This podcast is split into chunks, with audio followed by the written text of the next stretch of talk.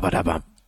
Veliki pozdrav svim ljubiteljima američkog futbola, dobrodošli još jednih 99 yardi, srđana opet nema, čovjek samo trke, samo MotoGP, samo neke formule, samo nešto što se vrti u kruga, ovde umesto top 10 malo da diskutuje s nama, mi ćemo se svađamo večeras, mislim, uglavnom se ne svađamo, uglavnom delimo mišljenje, ima tu nekih malih razmirica, mislim da bi se više svađali sa vama, i odmah vas molim jedan like, subscribe, odmah da krenemo da pokrenemo algoritam, pa šaljite, pišite, diskus, diskutujte dok mi pričamo o ovome. Ovo je možda tema koja nije onako opšte poznata, da, da. kažemo za onog početnika ljubitelja američkog futbola, ovo su samo neki debeli ljudi koji se guraju tu na liniji gde se izvodi lopta, ali za nas zagrižene ljubitelja američkog futbola sve počinje od linije skrimidža, tako da u napadu ništa nema bez dobrog snepa, dobre ofenzivne linije, onda top 10 quarterback može da bude top 50. Najbolji hvatači mogu da ne vide loptu, najbolji running backovi svaki pokušaj može da bude tackle for loss.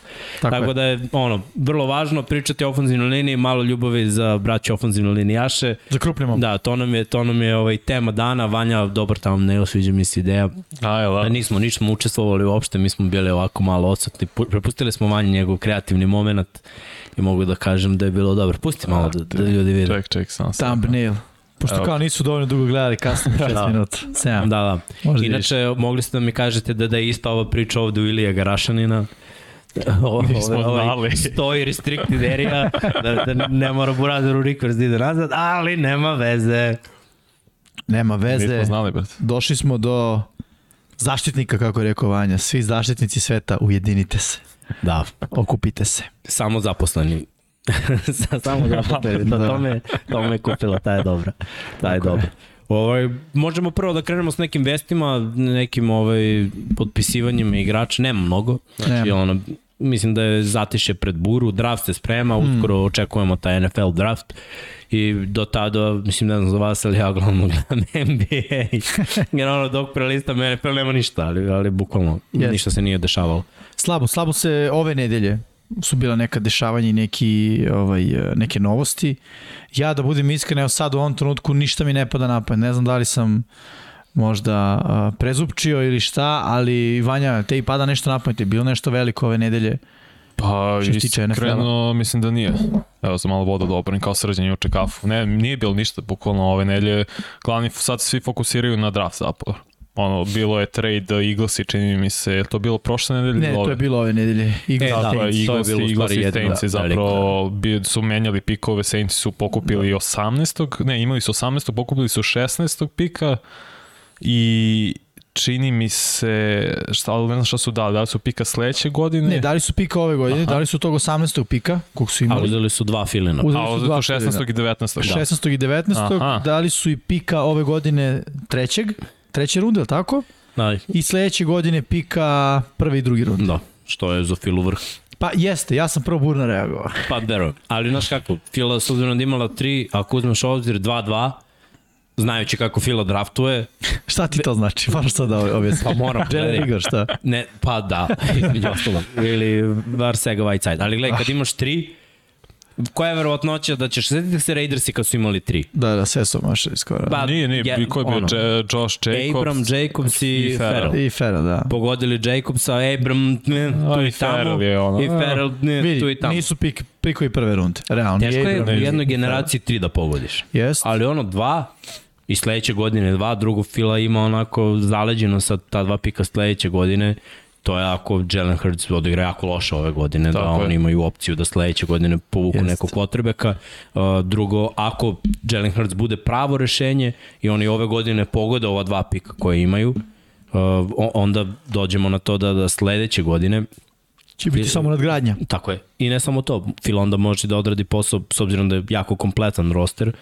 Mislim, uračunam da je sve pogođeno od ove godine, da. sledeće godine možeš i da daš tog pika prve runde za, ne znam... Ili za nekog igrača. Tako je. Ili za igrača ili za ono, drugu, Sledeću treću godinu, godinu. ili, uh mhm. -huh. ili, ili dalje. Tako ja sam da, pročitao da šta su, Eagles su dobili 18. pika ove godine, plus imaju 15. Znači, no. ostaje dva, dobili su pika treće runde, pika sedme runde, prvog pika, to je pika iz prve runde sledeće godine i iz 2024. drugu rundu. A Saints dobili 16. 19. i pika šeste runde ove godine. Da. Da. U principu Saintsima se žuri zato što imaju dosta mhm. veterana, zato što im ono, mhm. moraju da reše što pre ovu situaciju sa pobedničkim nekim rosterom, da probaju da ostanu konkurentni. Oni veruju da s Winstonom idu u play-off, mislim imali su 5-2, da. da imaju legitimnog kvotrbe, kad imaju ok da. ofanzivnu liniju. Mislim da je za njih onako, nakon odlaska Terona Armsteda, o, ono, poziv, ok, imamo dva pika, jedan je sigurno online. Da, da, on, ja bih rekao. Deluje mi da da ono to to gađaju da da ostane ofanzivna linija jako dobra i e, eventualno neki skill. E sada od skilla, koliko sam video Tyron Matthew išao da razgovara s njima, mislim oni već su doveli ovog Sonensena iz Kanzasa, vratili su, mislim kad pogledaš ima ih na defanzivnom beku, nije da ih nema, ali mogli bi, hvatač. mogu da pojačaju hvatač, da kaže da im treba, ali opet imaju treku Ana Smitha, idi on te Harrisa i vraća se Michael Thomas. Mislim, u principu nije da je upražnjeno i da baš nemaju nikoga. Ako Jeste, je tu hvatač nema... broj 2, znaš. Stoji? E, ne samo to, ja bih rekao da nema ni jasno definisan hvatača broj 1. Michael Thomas na papiru jeste, da, ali, nema ali ne znamo, već čovjek nije igrao dve godine. Stoji. Futbol. Ko zna šta će, kakav će da se vrati, ono, možda da. bude buca neki koji se podgojio. Da. Mislim, šalim se sada, ali stvarno ne znamo i po drugo, on nikad nije imao hemiju sa Winstonom, nikad nije imao razmenu sa, sa Winstonom, bukvalno. Da. Tako da to su noviteti, znaš, zašto ne ubaciti moje mišljenje još jednoga pa ima smisla u mix. online i hvatač najviše ima smisla od svega. Da. Mislim, ne vidim, naravno pričamo o prvoj rundi, oni da, kasnije da, da. mogu da, da se poigraju pa, pa da popune roster drugim igračima, ali ovako kada pogledam, Mislim, stvarno mi nije jasno. Ili eventualno da Sorensen bude kao depth na, na poziciji safety-a, da Matthew-a ne potpišu, i da onda povuku sa drafta u prvoj rundi defanzivnog beka koji će biti sledećih pet godina ono, starter s obzirom I da je to misliš na safety Pa da, baš safety da. Jer računam da, da će ono pre kornera da razviju jer im ide razvijanje Jest. kornera i već imaju jednu gubicu. Tako da ono, uglavnom timovi ne gledaju da imaju dva brutalnog kornera više. Imaju jedno koji zaključava i ovo drugo se rotira u krug, mislim, šta znam. Slaže, pa dobro, skupo je da imaš dva lockdown kornera, da. nema šta, osim ako ne pogodiš sa jednim na draftu, a drugog da si već imao. Pa da. A oni su pogodili na draftu i sad ne, ne, ne znam koja im je ideja, ali bit će zanimljivo. Iskreno, šta ti misliš, man? Eto, ti si radio mok, pa, pa se sad to malo menja. Pa ja mislim iskreno da će ići wide receiver offensive linija. Pro da. tackle mora da ide. Tackle, Kako god to mora prvo. Ja sam ubeđen 100%, Od, mislim, bi, baš bi mi bio šok da od ova dva isto. ni jedan ne bude tackle, otišao imam. Mislim da, da ste i u pravu, mora wide receiver, mora tackle je sad. Prosto je to i Winstonu da olakšaš, nekako, pro, pogotovo sa strane offensive linije koja mora se jačati, da i Ramšek prošle godine bio povređen propustio, čini se malo više od pola sezona ili tako oko polovinu. Ja mislim da je igrao 10. Ja, mislim... Vidio sam da je igrao oko 690 snapova kad pogledaš no. poređenje s drugim, ko, drugim pa. elitnim teklom koji su igrali po preko 1000, dosta vidi, propustio. Mik se upravo, prilike 60 pleva imaš po utakmici, prilike 690 10 utakmice. Da, da. Ja sam gledao kad sam ga ocenjivao sad, ono koliko igra, mm -hmm. nego ne mogu da se setim dalje 8. Jedan od njih igrao 8, Ar Armstead, onda 8, ovo igrao 10. 10. Ali opet, da, eto, i ta ofenzivna linija Saintsa nije bila cela, aj to da, da kažemo. Dva najbolje igrača nisu bila tu. Mislim, slažem se, malo se dotičem teme, jer šta je meni Vanje bilo zanimljivo, baš kad smo pričali pre početak, uh, skapirali smo i on i ja kad smo radili sad ofanzivnu liniju, ima tu igrač iz Eaglesa. Znaš, Dobro, Eagles trojica. imaju godinama vrhunsku ofanzivnu liniju. Tako je, tako je. Tako da, Mislim, znaš ono... Zato jesu jedan od najboljih trkačkih timova jest. u ligi. I s druge strane, zato i jeste ono prst u Jelena Hrca. Znaš, ajde možda one prve godine kad je bio, bilo je povreda, i Brooks nije igrao i Lane Johnson je bio povređen i prosto ono, line se menjao bukvalno iz nedelje u nedelju i nije mu bilo lako. Već ove sezone imao je solidno stabilan line i sad već tu kad pogledamo ima tu igrača koje ne možeš da preskočiš kada pričamo o top 10. Bar da ih razmatraš ako sad možda nekog ne preferiraš top 10. Kelsey na centru, Lane Johnson tackle, uh, Majlata, to su već trojica od pet. Mislim, to je već ono jako, jako dobra, dobra situacija plus za Plus Dickerson na gardu isto da. vrlo dobar gard. Jeste, jeste. Jest. Koji može da igra i centra. Da, da, da, da. On će verovatno zameniti Kelsija, moje da, mišljenje, nakon je. ove sezone. Za, za, za Filu postoje drugi problemi, to je smena generacija i zato možda idu s tim pikovima u kasnim godinama, jer mislim, zna, znamo kakva je bila situacija sa Kelsijem ove godine hoću, neću, na kraju hoću, ali mislim da ovo hoće možda godinu dana i penzija. Ja mislim da to to. Što znači za Filu da je, ako ovo pretumbaju, sve o svemu mm -hmm. jedan interior lineman manje. Da, da. Sledeće godine u prvoj rundi jedan od tih pikova može da bude online. Mm. Ako Hrc odigra dobro. Mislim, Svako. To, to I ako je... ne odigra, ima i dva pika. Tako. Može biti Kube online. Jest. Zašto ne? Jer bi ove godine oni poleteli, birali druge pozicije, jer kao ok, imamo. Tako pa je. ćemo da razvijamo. Ne, Tako sledeće godine legitimni starter je Ba ja sam ubeđen da oni skupljaju draft kapital ako Hrc slučajno bude igrao loše da trade upu za nekog quarterbacka. Jer pa, to je moguće. Da, ali ne moraju čak ni da idu ono, trade up. Mislim, ok, zavisi od toga gde će biti sledeće mm. godine oni i, i... Ako budu van top 5, mislim da će sigurno ići trade up. Ako i to znači da je Hrc igrao loše. Onda Jeste, automatski ali, to ali, ide pazi, na quarterback. Poučeni nekim ranijim iskustvima, mislim da, da Eaglesi nemaju potrebe da, da idu gore. Znaš, oni su iza Venca išli gore. Jesu. I kako im se to isplatilo? Nikako. Nikako. Jer, jer Fila, evo, pogledaj, znači, i sa Vencom, i kasnije, mislim, i sa Folsom, i Fols je njihov pik. Uh, da, da kažeš, igrao je ono na 2013. na ok nivou kod Čipa Kellija i onda se tu nešto moto, menio ekipe, vratio posle i sve to bilo nje. I evo ga i Jalen Hurts, šta Fila ima? Fila ima problem da razvija quarterback, to je očigledno. I mogu da biraju Joe Burrow kao prvog pika na draftu, nisam siguran da bi on igrao kao što igra u Cincy u, u Fili. Mislim, Fila nije jedini tim, ima mnogo timova koji ne znam, trebaju godine u stvari u tom sistemu. Plus, da ne pričamo o ovoj promeni trenera, ofenzivne mm filozofije i svega. Znači, Ali mislim da su opet sa, sa ovim uh, Sirijanijem uh, bliži tom nekom modernijem stilu futbala. Ne mislim da Pederson nije da sa kao imao neki zastareli uh, tip futbala, ali već kad su doveli takvog trenera, mislim da su bliži nečemu u što može se uklopi neki quarterback sa, dra, sa koleđa na draft koji može doći. Da. Zbog toga ja. mislim da i dalje daju šansu Hrcu, jer uh, polako i oni su se, pričali smo već o tome, tražili su se negde pola sezone, uh, ubirali neke pobede, neke utakmice gubili koje su mogli da pobede i onda negde u drugoj polovini sezone izgledali su dosta bolje i vezali neke pobede, on ušli u play-off, mislim na kraju dana jeste NFC bio uh, dosta slabio od AFC, ali ušli su u play-off, bili su sedma ekipa. No, šta ti misliš sada sa dva pika? Koja je filozofija? Šta gađati? Koja je pozicija? Pa, uh, ja se slažem sa Vanjinom filozofijom u smislu, ok, čini mi se da je ovo poruka ostajem uz Hrca ove sezone, ali ono, ovo je Hrc, ono, boom or bust sezona za, za Hoćeš njega. Hoćeš mu onda u toj sezoni dati hvatač u prvoj rundi. Tako je, ja bih mislim da hvatač u prvoj rundi definitivno i DB u prvoj rundi. To je neko moje ono, očekivanje. Ili linebacker. Ili linebacker, ali mislim da sa TJ Edwardsom su pronašli jednog, definitivno. Uh, Singleton je do duše otišao, možda bude i linebacker, ali ovaj, uh, Slay nije mlad, mislim, Slay ja mislim da se bliži 30, to je on već spada ono veteran, da li ima 28, 29, tako da i Slay ne, mislim, ne, ne može da bude ona priča kao biće on tu još godina. Biće koliko ima ugovora, čini mi se da je ono bio da li trogodišnji ugovor ili tako, znači tu još dve ili maksimum tri sezone će, će ovaj, uh, biti u Fili. A drugo, mislim, Slay za Filine standarde je najbolji DB.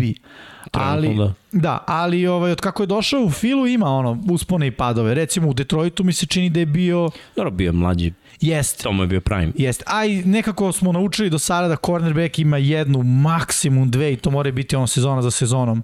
Sezone u kojima dominira, nakon toga to je to. Prosto nemoguće igrati na tom nivou dugo. Da. Moraš da budeš baš vrhunski corner tipa Jalen Ramsey, taj tip cornerback. Da bi ti dominirao 3, 4, 5 godine. Daryl Rives, Sherman i taj fason. Jeste, ali znaš šta se desilo Ramseyu? Promenio je sredinu. Yes. Znaš, dobio novi motiv. Ti kad, oh. i Daryl Rives kad kažeš, mislim, Rives ok, ali Rives je isto dve sezone. Ja mislim da on nije preko dve sezone imao. Čini se bio če, četiri ili pet puta All Pro. Da, da, bio. Ok, Jeste. Na, ta, na, na taj, taj nivo da održaj. Dobro, i Ramsey ima uz teme koji isključivo odgovaraju u njegovim da, talentima. Da, apsolutno. Nikad od Rivesa nisi tražio, ne znam, igri zonu i on da, da, stane da. u cover 2 i odalje, samo čovjek igra bump i pratite, igra 1 na 1 i svi su znali ideš u sistem gde igraš isključivo to i to me odgovaralo kod Rexa da. Ryana i kod Bila Beličeka, zato je tamo bio najuspešniji kad igrao. Tako je, a evo ti već Gilmore, znaš, otišao iz tog sistema, to je u Buffalo kad je bio, bio je dobar, Jer i Buffalo čini mi se da je, da, ono, gajio je taj, taj neki sistem. Mislim, kad si realno u diviziji da. sa New Englandom, pogledaj, i Miami ima dobro cornerbacka, i Buffalo sada isto ima dobro cornerbacka.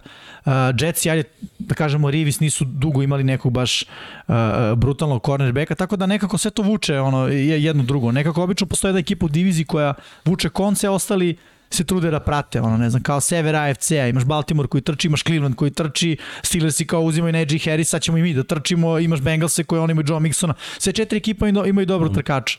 Da, uvijek pratiš trendove u diviziji. Pratiš trendove Inače, u diviziji. kod Gilmora, nešto, nešto se šuška da bi mogao baš da se vrati u Bills, s obzirom da njima fali cornerback, da je on slobodni agent. I mislim, ako čovek hoće da osvoji ovaj, da nastavi da igra na visokom nivou, bit će mu lako, s obzirom da, da očekujemo da se vrati sledeće godine uh, A, David White, White, tako da- Pa da vraća ćemo se biti tokom sredine sezone, realno. pa da, Pokida na ACL, ne verujem da će ranije, ali za Ramsey je Ramsey otišao u Ramse gde ima Aaron Donald. Da ti imaš brutalnu defanzivnu liniju koja tebi olakšava posao kao DB-u, realno. olakšava, slažem se, ali i ono, Ramsey stvarno radi dobar posao. Ma, radi odličan Da. posao, to je, to je. Mislim da bi i sa drugom defanzivnom linijom bio i dalje dobar. Ali u pravu si, ima i toga, znaš.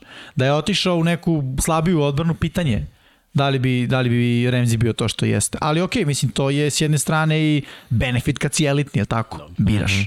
Evo da kažemo neke slobodne agente, Ryan Noll, uh, running back, fullback, uh, Bear se potpisao za Cowboyse, uh, Spillane uh, za Steelers-e, uh, Robert, Ryan Griffin, u stvari, tight end uh, Jetsa je sada kod Bersa, Bersi onako krcaju malo Tight endove. tight endove. Ponovo. da, Pre par i- godina su imali fazu na rosteru osam 10 i i devet. 9. I izgleda da idu opet uh, tom nekom logikom. Negi i dalje tu. Da. Duh Negija živi.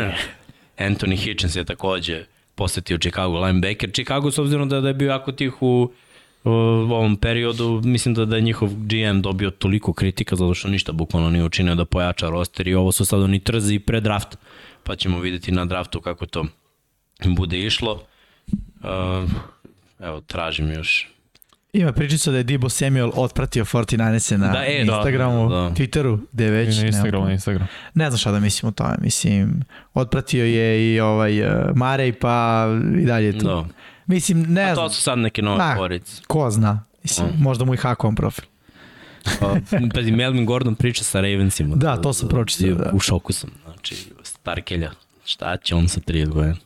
Da. To me samo zanima. Uh, Brandon Cooks uh, potpisao produžetak ugovora, to je on možda bilo. Da, pričalo se da bi Houston da ga traduje. Da, i ja, kao, ja sam mislio da ide sigurno. Izgleda ostojan. Da, da. Pa dobro, nigde. treba jedan, ono, da znaš šta ćeš da dobiješ od njega, receiver. dobro. Pa, stoji za razvijanje S tim što Milca. mi je neverovatno da je on prihvatio, mislim, ok, možda ja živim u svetu gde Christian Kirk i Brandon Cooks vrede isto. Mislim, ja Pa- definitivno ne, jer mislim da Brandon Cooks vredi više. Ajde da kažemo ovako, Cooks- Brandon Cooks je uh, potplaćen, a Kirk je preplaćen. Da. Definitivno. Sad da li vrede isto, ne znam, Da. ali ovaj je definitivno preplaćen. Mislim, Cook se dokazao toliko puta, imao pet sezona sa 1000 yardi I u u pet timova. ekipama, da. Mhm. U, ili u četiri tima. Ramsey, Patriotsi, Patriotsi, Saintsi, Saintsi i, i još neko. a ne znam da li bi u Houstonu. Zar u Texansima isto nije imao? I moguće? Mislim da je imao sa Deshanom. Da. Bolest. Da, da. Čovek, čovek dominira gde god ode. Zato mi je ono neverovatno. Ali je sve stariji. To je istina, znaš. Ali gledaj, dalje je produktivan kad je na terenu. Jeste, jeste. Ali znaš šta da ono, dosta toga ima u garbage time-u. Znaš, u garbage time-u se najlakše uzimaju jarte, pogotovo te dugačke. Ali, ovaj, da, mislim, slažem se da, ono, Cooks i Kirk, mislim, ne, nemam pojma, ajde, ovaj mlađi, to je njegov veliki benefit, to je plus, a s druge strane, ja ni dalje, mislim, ono, pokazuje ove sezone, jeste Kirk da, ono, može da bude dobra opcija, ali recimo, u ovom, mislim u ovom, ne znam koji će biti sistem Jags, ali ne, nešto nisam ubeđen da će on biti sad u Jagsima taj koji će da sad preokrene franšizu. Bukvalno. Šta znam. Dolphinsi rade sa Rubenom Fosterom, znači koliko dugo nisam čuo Kako ime je Rubena bio igra, pa, igračina na koleđu, kako Pa- igračina. Iskopali su ga verovatno ono kao, e, će da se vratiš malo da igraš, to obzirom da si pravio tolike gluposti i vrediš kikiriki i kocu.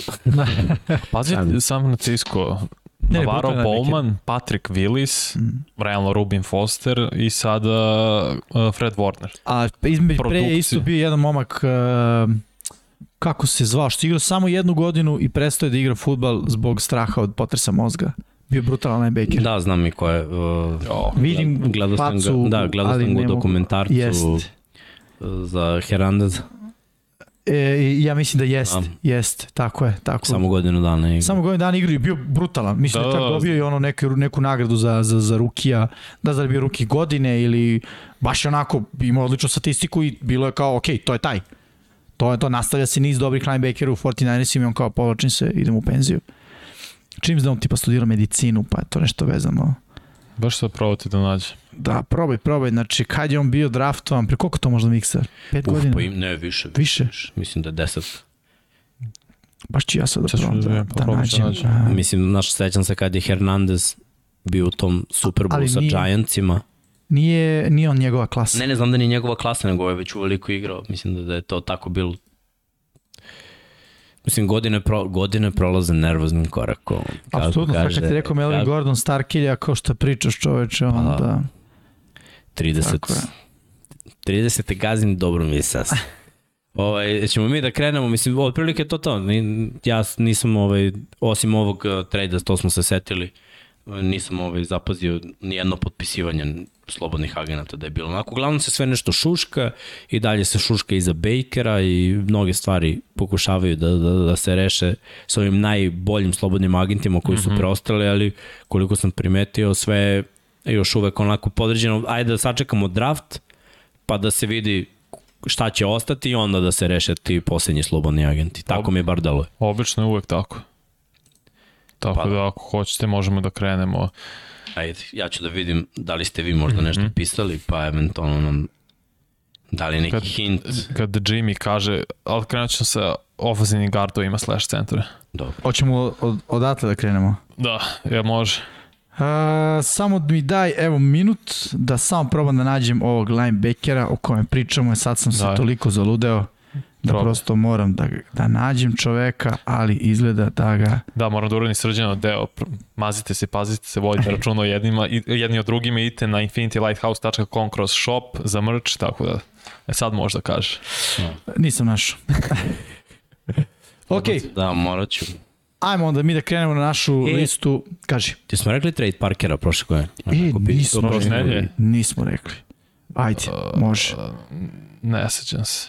Ali ajde kažem. Da, uh, Parker je tradovan u New England, Tako je. uh, tako da New England je sad dobio kao nekog, da kažeš, hvatača koji ima karakteristike primarnog hvatača, pa ćemo vidjeti šta će biti pre svega sa Nakilom Harryem i sa njihovim eventualnim pikom. To smo mi, u stvari, to sam poslao tamo na, na, na Slack, Na Slack, kada da, se da, desilo, da, da, da. ali to je bilo posle emisije, E, jeste, bravo. tako da, bravo. tako da ovaj, taj, taj trade, Chris Borland, Borland. to je linebacker.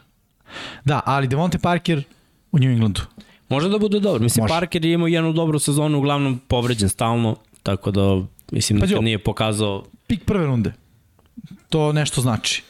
I uh, Pa, pitanje Kill Harry koliko znači.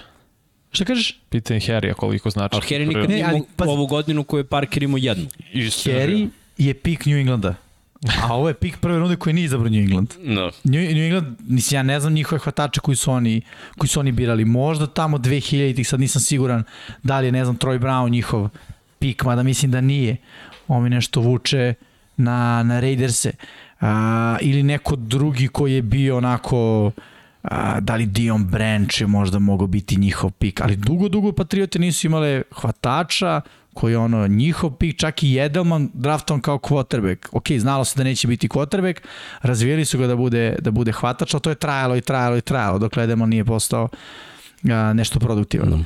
Ali ovaj, ja mislim da Parker može da bude dobro rešenje. Naš Parker ima sve to što, što treba da, da ima. On, rekao bih, i građan podsjeća na Kila Herija. Mislim da oni žele jednog krupnog hvatača. Da žele jednu veliku metu, čisto Pa da da. bi bilo lakše uh, Meko, Meku pa da, Jonesu, da. Ima, ima logike, samo, samo što ovaj, oni moraju konačno da pogode tog outside receivera koji je zdrav. Mm -hmm. Mislim, Harry nije zdrav. pa i Uh, Parker, ulazi Parker sa... isto nije zdrav. Da. Da. Znaš, bilo bi lepo da, ako ih zadrža bojicu, a sumnjam, da će ovaj, ja mislim da će Harry da tradu za nekog ono Bill fazon Ja šestu, da ga šestu katuju. rundu. Znaš, Pa da, u nekom kasnijem uh, trenutku, ali mislim da ono, Harry Da. neće biti više tu. Mislim, sve šanse koje ima, ono, Mislim, ovo sa Parkerom je poslednji pokušaj za njega da vaskrsne svoju karijeru, Da. jer ako sad bude na ono, u margini koji je obično on tako oko 500 yardi ima godišnje, to, to mu je učinak. Mislim, to je slabo za pika prvo, mislim, to je slabo generalno da, da se da nastavljaš svoju karijeru dalje i dalje i dalje. Jednostavno od 500 će pasti na 300 i to je to posle toga. Može. Neće se niko. A pikovi prve runde ne igraju u specijalni tim, znaš, to, to je najjače. Da, Što on nije taj tip igrača koji, ok, dovodim hvatača koji ono, ima 500 yardi, ali igra specijalni tim, igra kick-off, igra punt, igra punt return, kick-off Da. return i onda računaš, ok, imam neku drugu vrednost, mislim, ovo ti je Nema. još jedno telo na depth chartu koji igra isključivo napad, mislim, Jest. Slaba vrednost, a mora da ima bar 700 yardi. Minimal, ove godine. Minimal. Pa 17 utakmica moraš da imaš 700 bez ikak problema. Pa, pazi, prvo bih rekao od 17 utakmica treba da ima bar 16 da odigra. Da, i to. Pa onda možemo da pričamo dalje o učinku. Dobro, ajde, možemo da kažemo da mu nije baš bilo sve lepo u Majami i da je Miami bio i najgori tim ono, skoro u ligi jedne godine i da su menjali trenere i quarterbackove mm -hmm. i da se svašta dešavalo tu i možda i za njega jedan reset, restart i ajmo iz početka. Istina. A sad možemo da krenemo na olaj. Ajmo. Šta smo rekli, Vanja? Prvo ćemo centre i gardove centre i ili ćemo teklove? Centri, gardovi. Centri, gardovi. Ok, spojili smo, napravili smo jednu kategoriju, centri i gardovi. Uh, tako da krećemo od njih, da kažemo unutrašnji deo ofanzivne linije. Da, Druga i odmah da se izvinimo svim centrima i gardovima, što nemaju svojih deset ali i prošli put smo radili ovako interior i, Jest. i teklovi nekako. Pa, znaš, u krajnjoj liniji sad levi tekl i desni tekl nije to ista pozicija, nije morali bi to da razdvajamo, mislim svaka pozicija je za sebe, ali nemamo dovoljno nedelja i vremena da kažem da možda tako delimo. Uh, ono, ovo smo se odlučili da radimo centri guard, jedna kategorija, ofanzivni teklovi, znači levi i desni kao druga kategorija, pa da krenemo onda od ovih unutrašnjih, odnosno centri i gardovi. Krećemo naravno kao i uvijek od mesta broj 10, gde se nalazi Ali Marpet. Tako je. Koji se penzionis, ali odigrao vrhunsku sezonu. Jeste. I, I ocena po Pro Football Focusu mu je visoka i generalno kada gledaš ofanzivnu liniju individualno i kao jednu jedinicu, kompaktnu. Tampa je bila među 10 najboljih, mislim među 5 najboljih ofanzivnih linija ove sezone. I to uh, uprkos činjenice da oni uglavnom idu na pas i da jako slabo trče. E sad, to može da bude sad za jedne onako da, da ocrniš glasanje za čoveka, kao što je možda slučaj i ovde, da je on deseti tekl, a neko možda razmišlja, ok, s obzirom da je stalno išao da se brani, da je to onako bukvalno telefoniranje odbrani, šta ćeš da radiš, da. jako dobra protekcija. Mislim, sad ima tu više faktori. Brady izbacuje loptu jako brzo i taj si, znaš, koliko, koliko sam ja nešto pročitao, ja mislim, Banja ispravim ako grešim, mm. da on nije dozvolio sek ove godine. Jedan sek. Jedan sek. Jedan sek, Ima, samo Marpe dozvolio. I do, doživljavao je pritiske, ali eto, mislim, jedan sek za, za čitavu sezonu i... Odlična statistika. Bio je, bio jako dobar čitave godine, jako konstantan i sad kad uzmemo u obzir uh, čitavu onu konkurenciju, čitave lige, ovo je ipak ekipa koja se plasirala u playoff i ekipa koja se ne izbrukala u playoffu, već je igrala jako dobro i ako je neka linija morala da odigra jako protiv Tampa Bay Buccaneers, odigrala je šampionska defanzivna linija. Tako, Tako da mu ništa ne mogu uzeti za zlo. Tako je. I ja bih samo rekao onako nekako nije slučajno, definitivno, da tamo gde Brady igra, a to su Patriote ili Tampa, ofanzivna linija je uvek dobra, respektabilna. Razlog, kao što si rekao, vrlo brzo izbacuje loptu, e, praktično se od te ofanzivne linije ono traži da budu samo jako dobri, samo. Da budu jako dobri na svojim zadacima protiv trčanja, to je kada se trči. Uh, odnosno u svojim blokovima koji su vezani za, za trčanje. Što se tiče ono, protekcije Brady-a, kao što sam već rekao, što si ti rekao, Brady brzo izbacuje loptu, to za njih onako nije uh, e, toliko težak zadatak, hajde tako da kažem, to im je stvarno lakšavajuća okolnost, jer nemoguće New England imao toliko godina dobri igrače, ne samo ono pet koji kao tu stoje i čine jednu jedinicu, ne, rotirali su se ljudi, uvek dođe neko i uvek dođe neko ko je dobar. Uh, ista je stvar ovde i u Tampi. Ne mogu reći, ovi su igrači bili dobri i pre, ali kako je Brady došao, definitivno su bolji. Uh, spomenut ćemo posle kad budemo raditi teklovi Virfsa, koji je eto mlad, ali opet je odmah od starta, jeste on veliki potencijal i sve, ali viđali smo, pogotovo u ofenzivnoj liniji, da ne klikne baš u prvoj godini, ali eto, odmah se pokazao nekako da, da može da klikne. Brady efekat u svakom slučaju, ja bih rekao, i baš to što kažeš, ovaj, moramo da uzmemo malo obzir i to, i možda smo ga zato eto spustili ovaj, negde, negde dole pri dnu. Inače, Marpet je vanji bio deseti, meni je bio deveti, uh, Srđanu osmi i tebi je Miksa bio deseti. Da, ali čudno i Marpet je draftom 2015. relativno je kratko u ligi kad gledamo ofanzivnu liniju koju neki igrači igraju do 36. 7. 8. godine. Marpet je sad odlučio, ja mislim i prerano da sam penzioniš jer bio i pro bowler, samo dozvolio četiri prekrša, rekao si ti jedan sek, sa on igram na visokom nivou, pogotovo proti, proti kad, to je zapravo kad je igra trčan pitanju 87.0 ocena. To je da. baš visoko. Ali imaš, znaš, imaš neke ciljeve u životu. Ako njegov cilj bio da igra u NFL-u, da igra na visokom nivou i da osvoji Znaš, i da, i da pokrene drugu priču u svom životu, novo mm -hmm. poglavlje, znaš, ono, život sa porodicom, neki biznis mm -hmm. Mislim, Ej. igra, igra na liniji skrimidža, znaš, igrati futbol na poziciji ofanzivnog i defanzivnog linijaša, linebackera, running backa i svih ostalih pozicija, jednostavno nije isti. Nije, Mislim, nije. i ovo, ovo je beneficirani radni staž, znaš. Apsolut... Tih, tih 7 godina kao da igra 14. Yes. Apsolutno. I dodao bih još jednu stvar. tebe se mnogo traži ono, razmišljanje, uh, brza reakcija i tvoja akcija, da kažem, traje možda najkraće. U smislu, ako je neki brzi pas, baba, blokiraš 2-3 sekunde, ok, ispucaš se dalje. I druga stvar, oni bre žive život realno sa 30 kila više nego što im treba u životu. Mislim, pogledaj sve ofenzivne linijaše kad završi karijeru. Da. Svi skinu pa Joe bar... Thomas, kad, kad sam ga video, ripped. Zato što ti treba, zato što ti treba dok igraš, trebaju ti ti kilogrami yes. viška. Mislim, yes. kad završiš karijeru, onda shvatiš to je samo opterećenje, mislim. Yes. Samo imaš probleme zbog toga. Mislim da, da su oni i ranije počeli da shvataju da je to višak kila i da sad svi nekako kad se penzionišu prvo rade to, ono, skidaju kilažu. Tako da meni je, mislim, ono da kažem, ok, u pravu si, sa aspekta kao ovih drugih pozicija o kojima su pričali od 2015. to je koliko, 6-7 sezona, je malo. Mm -hmm. Ali kad uzmemo u obzir, ja mislim da je prosečan, ono, prosečan broj sezona koju... NFL igrače tri. Tri godine, tako je. Tako da je ovo preko te tri godine. Mislim, kažem opet, od svoje ostvario se, tako da okej, okay, mogu da ga razumem. Tako je. Hoćemo dalje. Uh, ajmo dalje. Ili da kažeš ko je bio svima deset. Ajde, može. Znači, Mixi i tebi je bio Marpet, uh, Ercegu je bio Joe Tuni, a meni je bio uh, On Venu. Jel Michael? Da, da Michael, Michael Onvenu. Da, da. da. Michael Onvenu je meni bio na mestu broj 10. Dobro, ok, idemo dalje. E, nastavljamo sa top mm -hmm. 10 unutrašnjih igrača ofenzivne linije. Shaq Mason je na mestu broj 9. Baš čovjek koji je zapravo i trade on da zameni Marpeta, u suštini.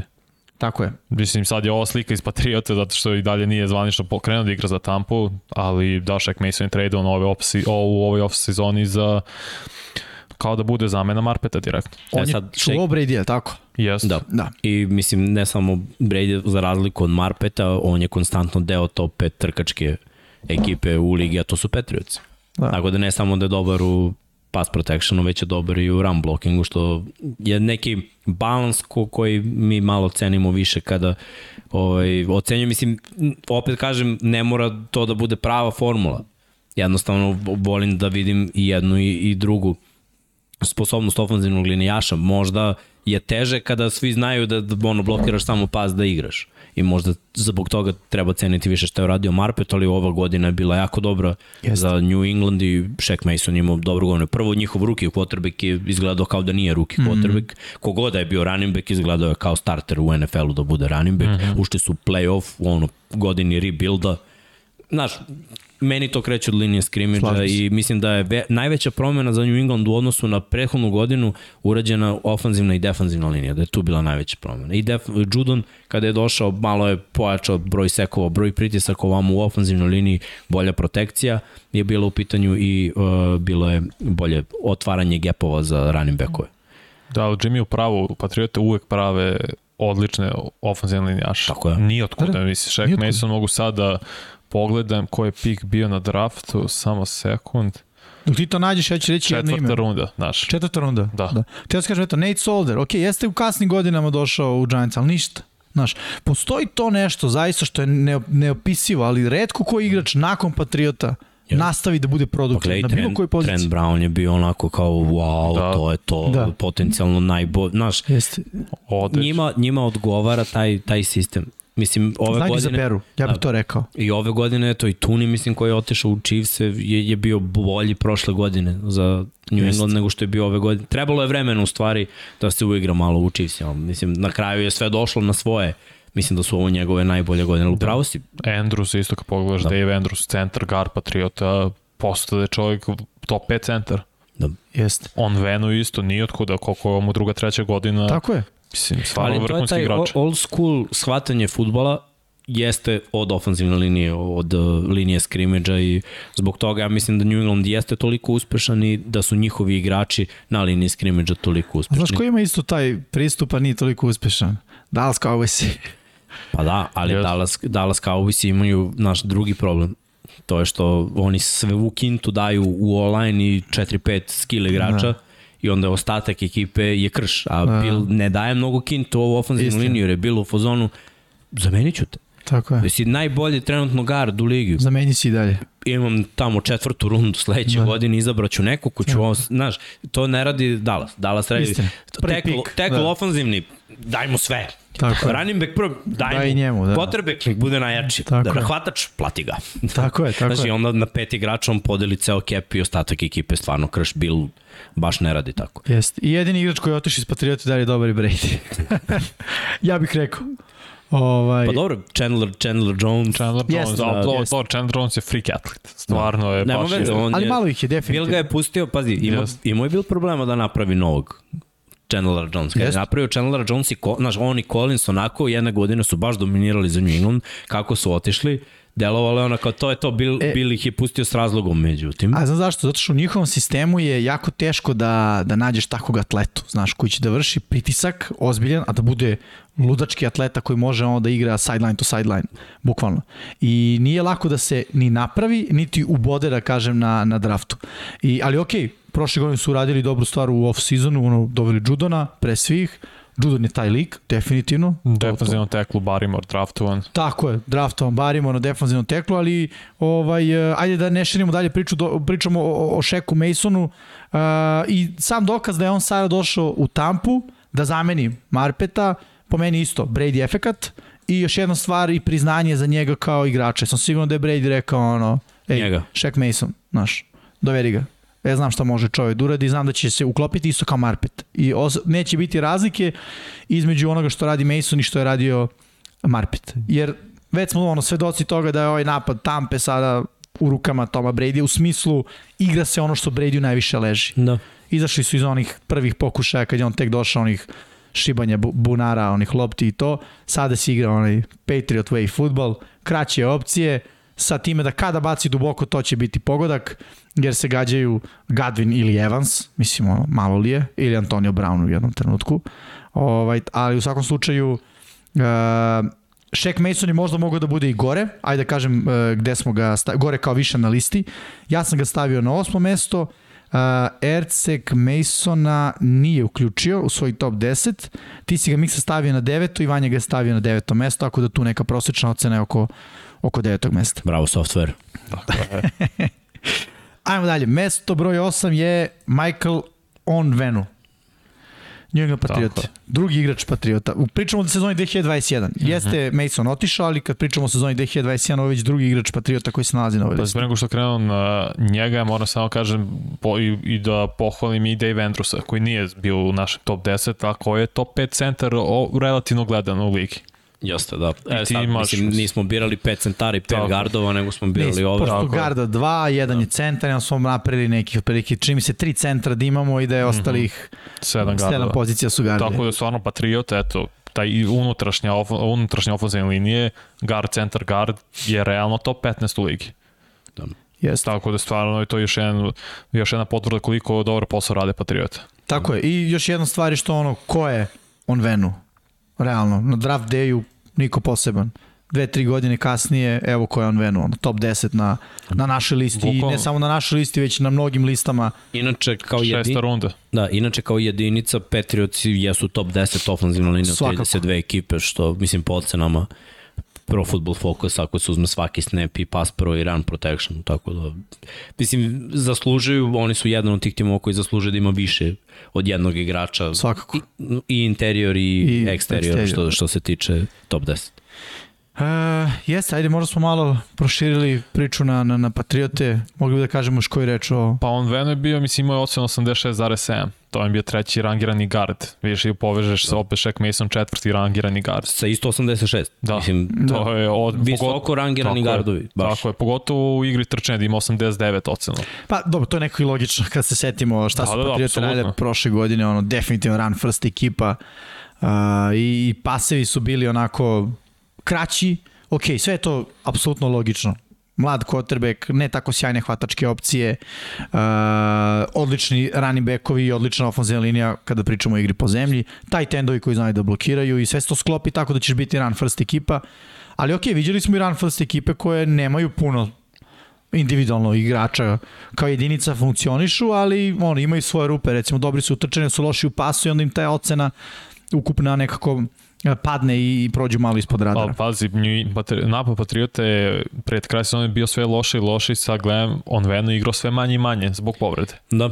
I to mora znači 15. nedelja samo 6 snapova, 18. samo 18, u wildcard rundi samo 11, znači bio očigledno povređen i da. to je uticalo i na kompletnu ofazinu liniju. Dozvolio je samo dva seka. Što kaže Mix, ofenzivna linija je jedinica i tu nema ono rotacije, nije kao, e, povredit će jedan korner, ne vezimo trećeg. Pa videli smo to. u ovoj utakmici Ramsa protiv Tampa. Da.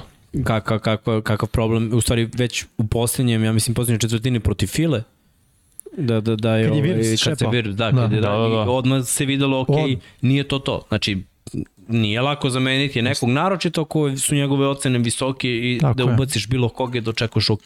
To je to, evo ti Baltimore, od najbolje ofenzivne linije, Ronnie Stanley se nije vratio, ušao je Villanueva, bukvalno najgore ocenjeni levi takl u ligi. I ono, krenula je propast ofenzivna, niti trčiš, niti kvotrbek ima vremena da baci, niti kvotrbek trči. Mm. Znači, ima tu ovu point ovom što... Koliko smo puta videli da kad se povredi igrač ili izgubi kacigu igrač ofanzivne linije, izađe i uđe zamena da u prvom playu napravi fall start. Da. Bukvalno u prvom playu. Tako da nije to sve slučajno. Ok, uh -huh. uh, jesmo rekli za Onveno, nisam rekao gde smo ga da. pozicionirali. Znači Vanja ga je stavio na mesto broj 7, ja sam ga stavio na mesto broj 10, najniže sam ga ocenio. Erce ga je stavio na mesto broj 9, ti ga Miksa nisi uključio. Nisam, da, zašto da, nije igrao top 10. skroz u fullu celu godinu. To, to mi je jedino bilo, inače ako gledaš talent i ocene dok je igrao, da, koliki broj snapova, jeste top 10. Da. Ok, ajmo da, na mesto broj 7. Vanja će da se obraduje, Vanja možeš i da ga najaviš. A Corey Lindsley, mislim, pokazao i ove sezone da je stvarno top 2 centar, centar u ligi trenutno. Prošle godine bio prvi tim All Pro, ove godine drugi tim, vidi se koliko je pomogao i Herbertu Jest. u samom u pri snapu i sve igro je na jednom visokom nivou, pogotovo što se tiče pass blockinga za Chargers stvarno je mnogo u Slatera poboljša ofenzivna linija Chargers. Jeste, i mislim i Chargers je nastavljaju, ono, 10 godina će imati vrhunskog centra od Pouncey preko Linsleya, mislim, Jest. stvarno dobro za njih. Mislim, čovjek je bio jako dobar igrač u Green Bayu i, i isto to je počeo da čini i ovde. E sad ono što Chargers ima ne ide na ruku, ovaj, jeste što previše dodavanja. Mislim, on bi tek izgledao bolje, uh, počeo da izgleda bolje u Green Bayu kad je Aaron Jones dobio više mm. prilika. U Chargersima kada bi Ekeler ili kogod dobio malo više prilika, mislim da bi videli koliko je on dobar centar i da ono, možda je prvi tim All Pro, a ne drugi, ali no, mislim, konstantno Chargers igraju treći, četvrti, Jest. down za mnogo. Mislim, to nije bilo u Green Bayu, tako. Tako je. I ja bih samo dodao da uh, još jedan dokaz koliko si kvalitetan igrač je, opet ću reći ono što si ti rekao Mikse, ofenzivna uh, linija je jedinica. Ono, teško ćeš da pričaš o pojedincima koji su dobri ako su ostali oko njega toliko loši. Koliko je teško da budeš u dve ekipe i da se o tebi priča da si u vrhu, da si top.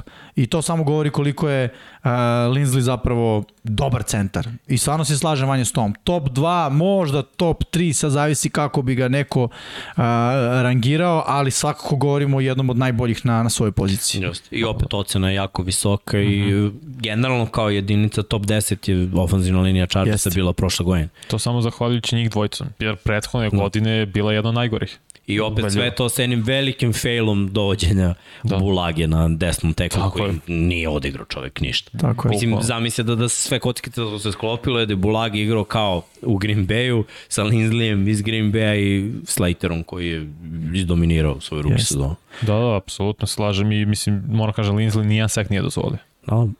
To je stvarno big deal za bilo Jest. koju poziciju. Jeste. Mada okej, okay, centrima je možda tu malo lakše, jer oni su obično pomoć. Imaju pomoć da garda. Da. Imaju pomoć garda ili su oni pomoć gardu, pa ako prođe sekund ne računa mm -hmm. se njima nego gardu. I tak, mislim, šematski se ostavlja nešto iza running back koji kupi pritisak kada Jest. ostaje u pass pro Jest. akcijama. Ali Vanja, ćeš da kažeš možda uh, rating Pro Football Focusa, pošto to smo rekli za prethodni igrače. Da, da, da. Uh, 85,7 je bio rating. Bio je drugi naj, najbolje rangirani centar, to je najbolje ocenjen, ali ujednačen pass blocking 84,9, run, blo, run blocking 84,6, s da. obzirom da. da koliko su igrali pas akcije, što si rekao, Mix stvarno je odigrao baš, baš, baš dobro. U smislu znaš uvek šta ćeš dobiti od da, Lindleya. Da. Ok, gde smo ga mi stavljali? Vanja ga je stavio na mesto broj 5, Ja sam ga stavio na mesto broj 7. Erceg na mesto broj 6 i Miksa na mesto broj 6 takođe, tako da ukupna ocena za Linzlija je a, broj 7. Možemo dalje. Mm -hmm. Mesto broj 6 je Wyatt Teller, Cleveland Browns. Uh, ogroman čovjek. To je ono što prvo ja moram da, da kažem za, za Wyatta Tellera, ali um, ok, jeste dobar, međutim neke stvari su mi ostale onako u glavi. Čini mi se da je imao solidan broj prekršaja, full startova. Sad ću ti kažem. Ili holdinga no. čak. Što mi onako nekako par puta kad sam uh, prenosio utakmice Clevelanda, ono kao... Pravo si 11 prekrša. 11 prekrša. Znaš, u glavi mi je bilo kao, bam, prekrša Cleveland Browns holding 7-7. Bateler. Bam, full start, Bateler. Čoveče, ono kao, ovo je jedna utakmica, ono šta radiš? Dva, dva prekrša. I to se često dešavalo jedno za drugim. Ali, neosporno, brutalan igrač. Kad krene na vreme, kad ne krene pre iduđenja lopte, i kad ne koristi previše ruke da, da drži, stvarno je brutalan igrač i ono, ogroman je pre svega. Ma i njihov online je tako napravljen da, mm. da, mislim, da u nekoj drugoj ekipi sa tim prekršajima možda se ne bi istakao toliko, ali njihova ofanzivna linija i ove godine Čabi bio Jest. jako dobar i vidjet ćemo, mislim, sad Dešon Watson bi mogao prvi put u svojoj karijeri da zaigra iza ofanzivne linije koja bi mu kupila vremena, da.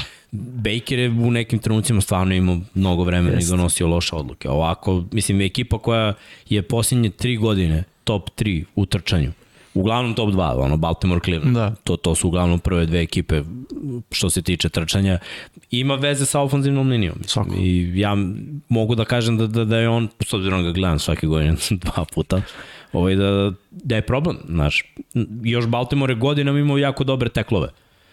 Znači da kaže da je Brandon Williams popisao jedan jak ugovor, da je bio jako dobar defanzivni tek, pa onda Calais Campbell koji uglavnom igra na defanzivnom teklu, pa Michael Pierce koji je takođe na uh, teklu, uh, Ed, Justin Ellis takođe uglavnom Cleveland kada sekuješ ne ide odatle. Znači, mm. ako sekuješ Bakera ili ako prolaziš za, za obaranja, ne ide kroz sredinu u ofenzivnoj liniji, što je u stvari za, za Cleveland jako važno i mislim da, da oni moraju da gledaju da zadrže ovu ofenzivnu liniju. Oni su ja mislim na osmo mesto ako se gleda čitava. Da, već je otišao centar, to je skatovali su treći, centar, da. Treći, koji je bio top, isto top 5 centar prethodnih 3-4 godine, što mi je da. apsurdno da su ga samo katovali. Da, ali dalje imaju dva garda koji su ono među najbolje ocenjenim u, u NFL. E, ali znaš šta je isto ovaj, zanimljivo za Cleveland? Što nekako ofenzivna linija nikad nije bila problem. Znaš, i Joe Thomas je... Bio najbolji u svoje vremena. Tako, tako je. Znaš, koji isto bio centar u, jedno, u nekoliko sezona sa njim? Alex Mack. Tako je je bio centar u, u toj istoj ofenzivnoj uh, liniji. I imali su Švarc, koji je bio u Chiefsima sezone kad su osvojili, mm. bio desni tekl.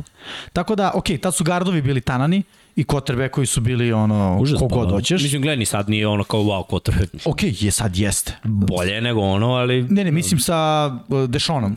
Da, da, da. Sa Dešonom jeste. U ali ok, ako pričamo o da. 2021. da, bolje je, ali slažem se. Ono, mislim, videli smo na kraju dana, Tako. nisu dorasli celoj, celoj priči uh, i očekivanjima koje su, koje su tu postojala.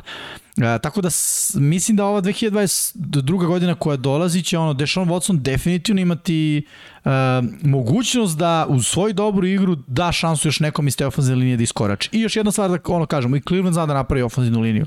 Definitivno. Da, eto, i sad isto na teklu ima Jedrick Willis je sa Alabama draftan pre par godina, Tako Jack je. Coughlin je desni tekl koji je vrlo dobar, oni imaju baš dobro ofenzivnu Imaju malo problema s povredom. Jedno znači da su u fullu, kompletni i mislim oni su imali problema koliko, dvojica ili trojica nisi igralo protiv Chiefsa pre dve godine u play-off?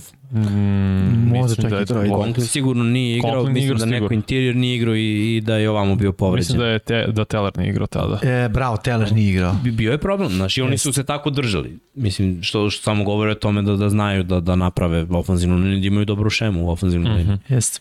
Vanja, daj nam neke brojke za Tellera.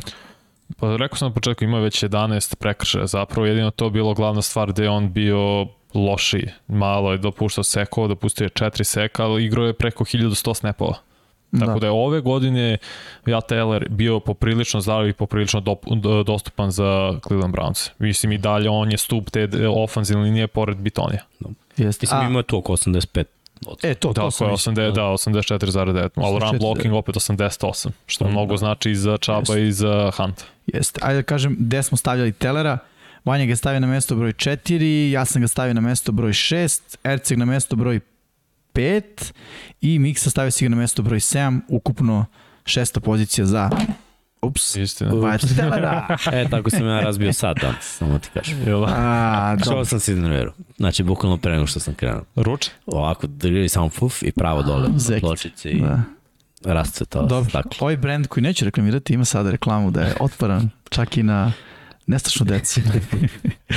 ok, ulazimo u top 5. Ovo je onaj najuzbudljiviji deo i možemo odmah da pucamo Quentin Nelson. Ja iskreno ne znam zašto ga nismo podigli malo više gore. To bi bila jako slaba sezona, što Da. možda nije njegova krivica. Ja mislim da je zapravo on igrao jako dobro, ali je toliko visoko podigao lestvicu da je ova sezona ono kao Glej, Znaš zašto? Ove godine- Samo ajde da ovako. kažem, znaš koja mu ocena bila ove godine? mm. slaba jako. 69. Da. Ali to uglavnom zahvaljujući Pass Pro. Zato što run blocking i Nenapolis Colts ove godine bio brutalan na strane ofanzivne linije. Ali opet, nije samo ofanzivna linija kad je Pass Pro loš. Ako quarterback gnjavi loptu sekund i po duže, a gnjavi. a gnjavi Carson Možda i dve. Mislim, znaš, i, i ofanzivna linija Fila je bila dovedena ono kao ja, pa možda oni ne blokiraju dovoljno dobro. Ne, nego Vence ne baci kad ima prvi rid, nego gnjavi još sekund i po i onda kreće da beži, onda bude sekovan ili, znaš, i sve to ide u ocenu ofanzivne linije. Tako je. Ne mogu da kažem ni da je uvek samo Carson Wentz bilo je situacija kada je bio i Nelson ili kogod iz ofanzivne linije, ali opet kada pogledaš njegovu mogućnost da nadjačava ljude što se tiče trčanja, da kolci forsiraju to, samo ću ovo kažem, kako su mu ocene bilo, bile kad je igrao Philip Rivers? Verovatno će takve biti kad je Matt Ryan. Verovatno. Mislim, je. mi računamo kakav je bio prošle godine. 87.5 mu ocena. Tako je. Kad je igrao Rivers. Tako je. Pre toga kad je igrao Lak, 91.2. Ima veze sa quarterbackom. Što se tiče pass pro. Definitivno. Drugo, znaš šta bih ja isto uh, rekao, ima veze i u smislu da ono, izgubiš ti malo motivaciju kao igrač ofanzivne linije. Ti nemaš kontakta s loptom, pogotovo kao guard, mislim ako imaš onda je to fumble. ovaj, nemaš kontakta sa loptom, ali i koja je tvoja motivacija? Motivacija mora da ti bude ono što radi to iz quarterback. Ako ne radi dobar posao, ko što nije radio Vance, znaš, malo ti spadne motivacija i Nelson onda u tom smislu mogu reći da je takođe ono dokaz onoga što smo već pričali. Ofanzivna linija je jedinica. I mi smo ovde uglavnom nabrajali igrače da ih imamo po dvojicu. Bilo je dva iz New Englanda, ok, Marpet je uh, za sada usamljen, ali ako raš, proširimo to na onu priču sa teklovima i tu će ih biti ovaj, uh, Moramo da dodamo im i Jensena, mislim, kao centar. i je, da. Jensena, Jensena, kako god, tako je, slažem se, ali uglavnom svi ostali su bili ono po, po, po dvojca, parovi da kažem. Uh, ovde situacija nije ta i neće biti ta, jer što ti kažeš, protiv pasa, to je u pas protekciji, nije to bilo to. I definitivno to mora da se zaokruži sa pričom quarterbacka, jer to je ta sinergija. Ofanzivna, jedinica, ofanzivna linija je jedna jedinica, ali usko povezana sa onim što quarterback radi. Ako duže drži loptu, eto problema za, za, za blokiranje. Ako ovaj radi dobro svoj posao, Jolan će da izgleda bolje u pas protekciji. Tako je. Mislim da, da to, to ove godine bilo priča za, za kolce. I opet kada pogledaš, ovo je sad možda malo i subjektivno, ali znaš, vratim se unazad nekoliko godina i gledam tu surovu dominaciju Nelsona i znam kako se sprema za utakmici i gledam ga na, naš, na trčanju, mm -hmm. što, što je ono važno i onda na, mora da budu top 10 što, što se gardova tiče. Pa to, mora, to, mislim, i bi ima dozvoli samo jedan cek, ali on što, što sam ga ja barem spustio, zašto je propustio ove godine utakmice. No. Kada prethodne godine nije propustio, kad je prethodne godine bio first team all pro kao rookie, kao druga godina, treća godina pro bowler, ali ove godine je bio povređen i na početku sezoni u sredini, pa je to isto vjerojatno poremetilo ritam. Mislim, igrao je povređen. Nije Tako samo je. da je propuštao. On je igrao utakmice kad je cijela nedelja je bilo ono uh, didn't practice, DNP da. i na kraju ti stojili ge- game odluka. Da, da li igra, da li ne igra. I, da. i dečko se skine i igra. Mislim, i to je za sav respekt. Jeste. Ajde da kažem gde smo ga stavljali. Znači, Vanja ga je stavio na mesto broj 6, ja sam ga stavio na mesto broj 5, Erce ga je stavio na sedmo mesto i ti si ga Miksa stavio na četvrto mesto. Eto ti ja smo ga Da, ja sam malo. ga podigao. Da, mislim, Da. iz nekog re- respekta. Volim kako igra. Ov, prošle godine po ocenama tim za pas pro nije bila idealna, ali za, za run blocking. Tako I dalje volim kad, kad pregazi neko. Sigurno I bilo je tih par nekih mm -hmm. utakmica baš ova protiv Petrioca gde je ono trčanje rešilo u posljednjem trenutku Nje, njegov je bio jedan od blokova. Da, znaš ono, kad se odlučuje, mm. kad se lomi, znaš da, da njega pošalješ ono, u pul da pregazi nekog i čovjek tu. Samo uradi. bi dodao, mislim, za njega su, na, kad je izlazio s koleđa, rekli, o njemu treba ono, odmah Hall of Fame. Taj kalibar igrač. Iako je pozicija guard slabije ocenja kad se gleda draft, naprijed nije toliko važna, ali kad imaš taj kalibar, kad izlaziš sa koleđa i to potvrdiš, to je stvarno dovoljno merilo koliko si zapravo dobar. Jes, malo onaj highlight kada on kao guard uredi ono dva kick stepa pozadi i ode na edge rushera na suprotnu stranu, ono potpuno da ga pi, u nezveri ga, ono, pritom pričamo o pas protekcije, to, to, to je nestvar, to je taj nivo igre, razumevanja igre, svog zadatka, gde, pom, mislim, nestvar, tu životu nisam video da ga uradi. Ok, uh, idemo dalje što se tiče unutrašnjeg igrača ofenzivne linije. Kelsey na mestu broj 4, nije Travis, već njegov stariji brat, Jason. Jason, Jason Kelsey, centar Philadelphia Eaglesi. Uh, ajde, odmah ću da kažem gde smo ga stavljali. Vanja ga je stavio najniže, osmo mesto.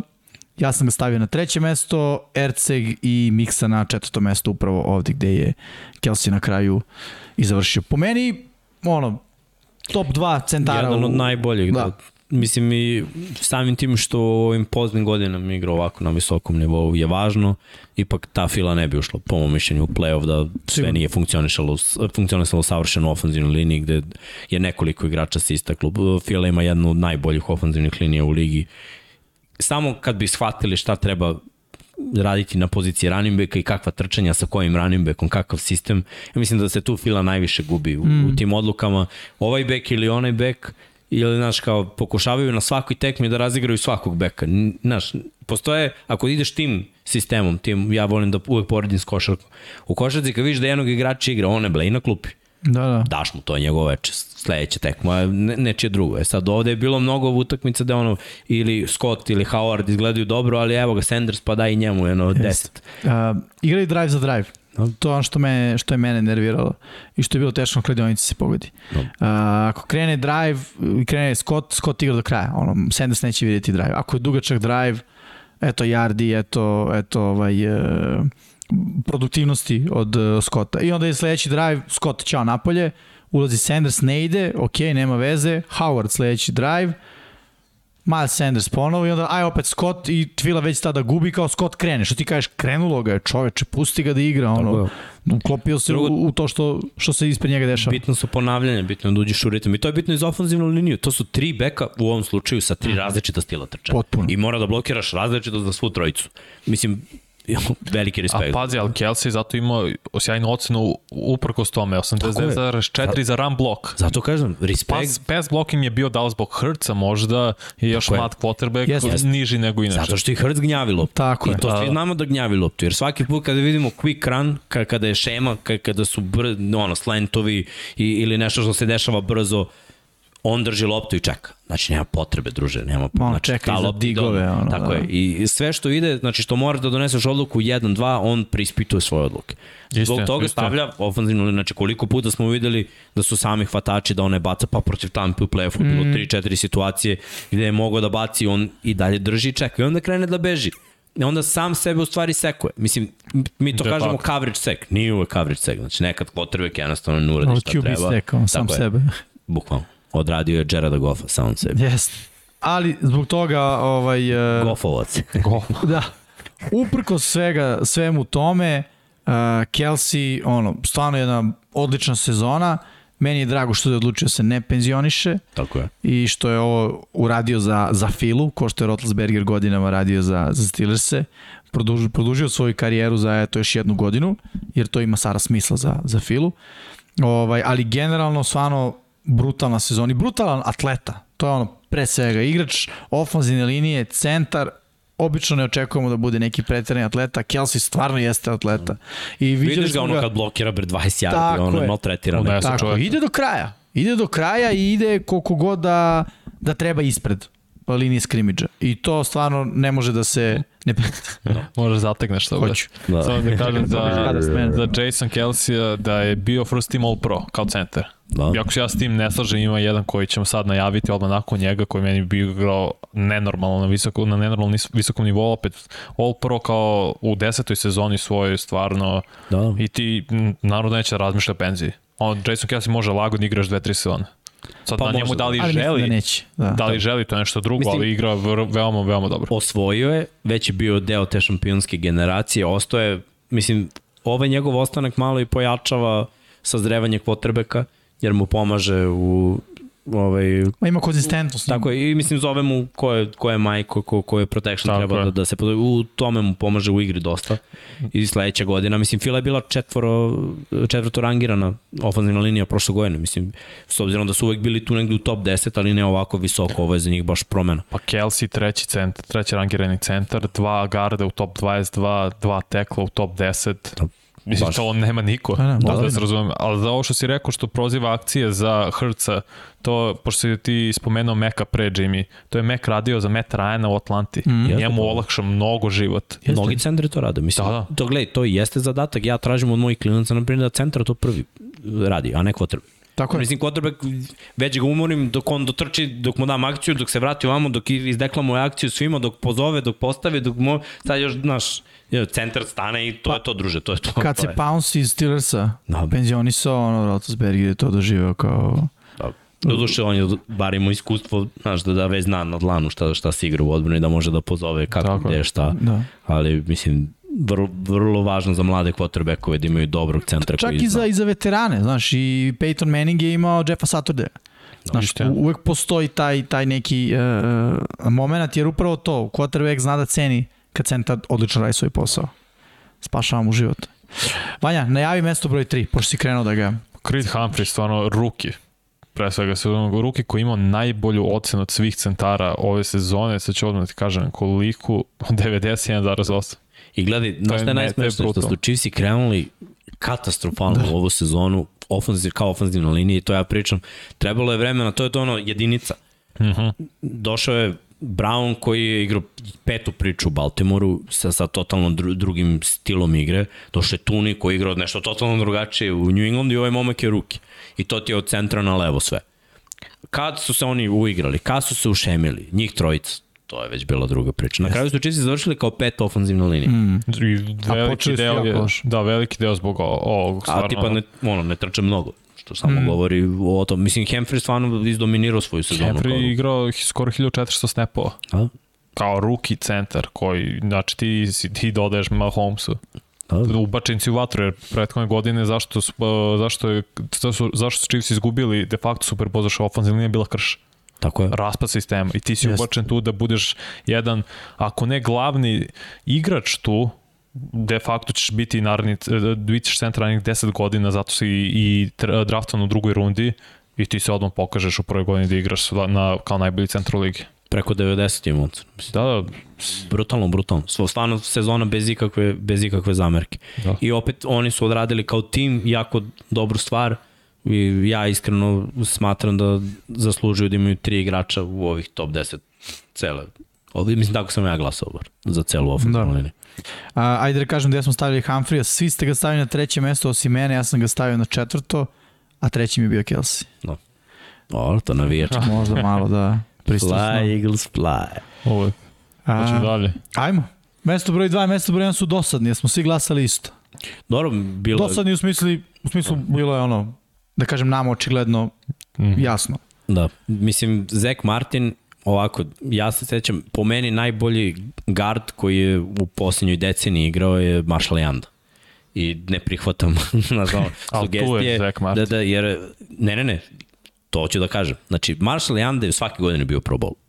I svake godine, pazi, Zeka Martina kad pitaš kako se sprema za utakmicu, to sam gledao i oni Quinton Nelson su rekli, gledaju prvo dalje protiv te ekipe igrao Janda i kako je Janda igrao protiv te defanzivne linije gde Zek Martin ide, uglavnom na pul, tu ide trčanje, znači da. na taj gap.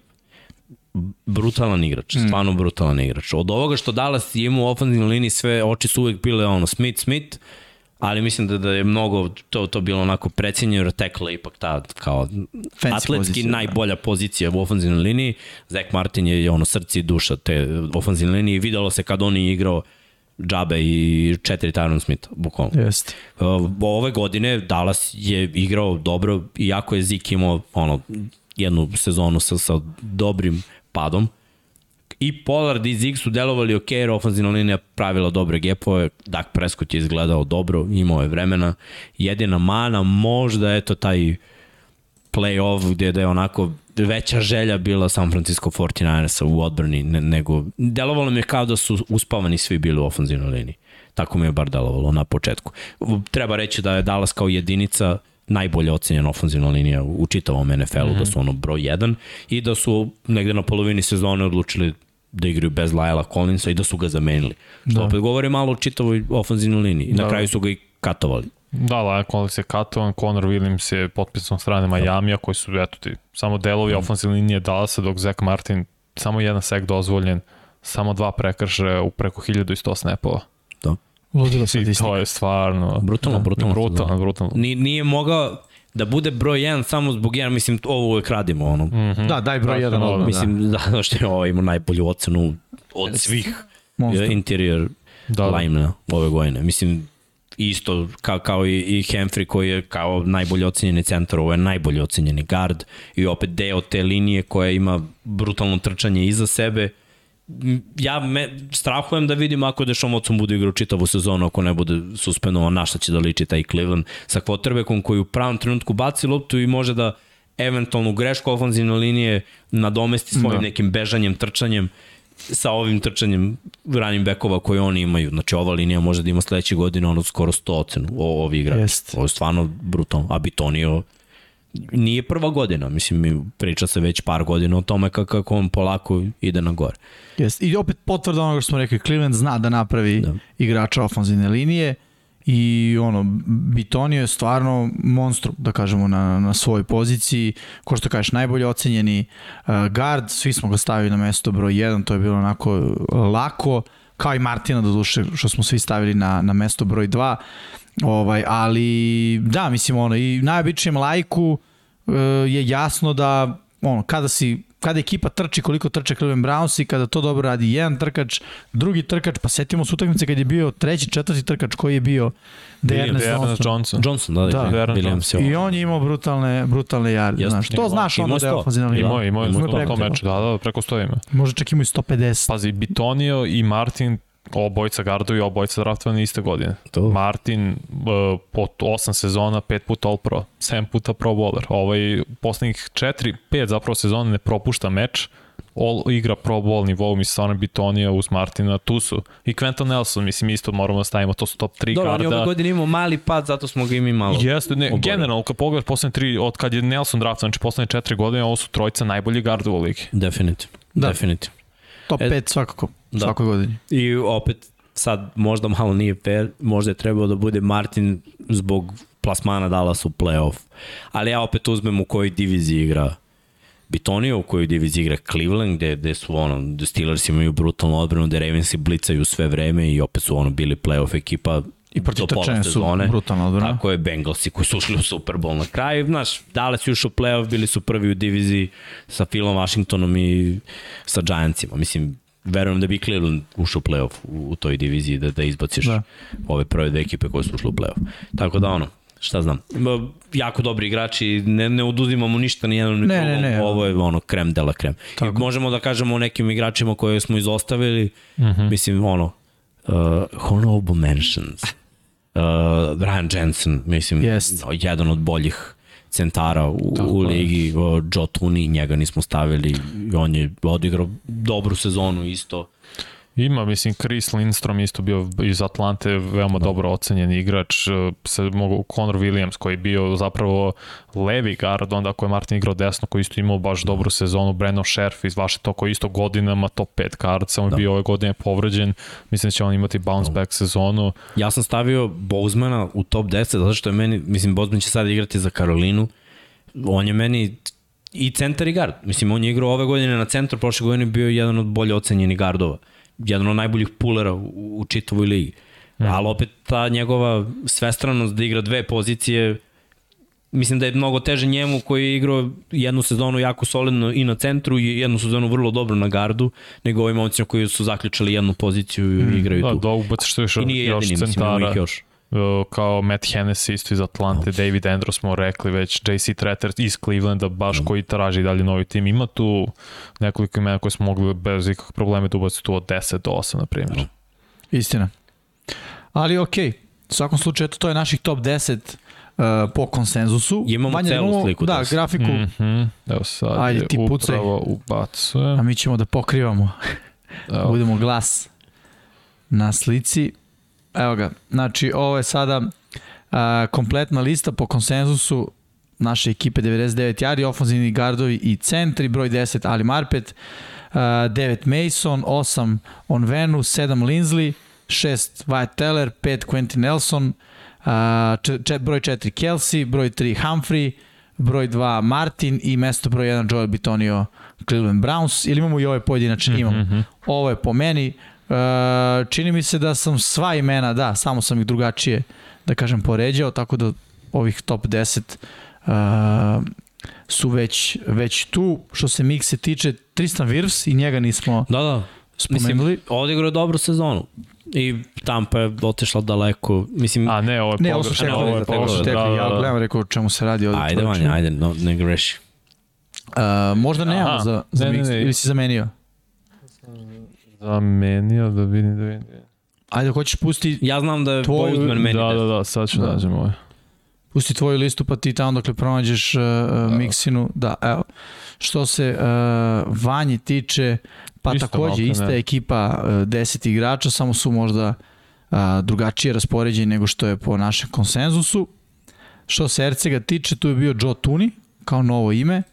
Uh, ostali devet su već uključeni u uh, top 10 po našem konsenzusu i ako si Vanja našao za miksu... Znaš, sam napravio dve, napravio ako, iste. Aha, okej.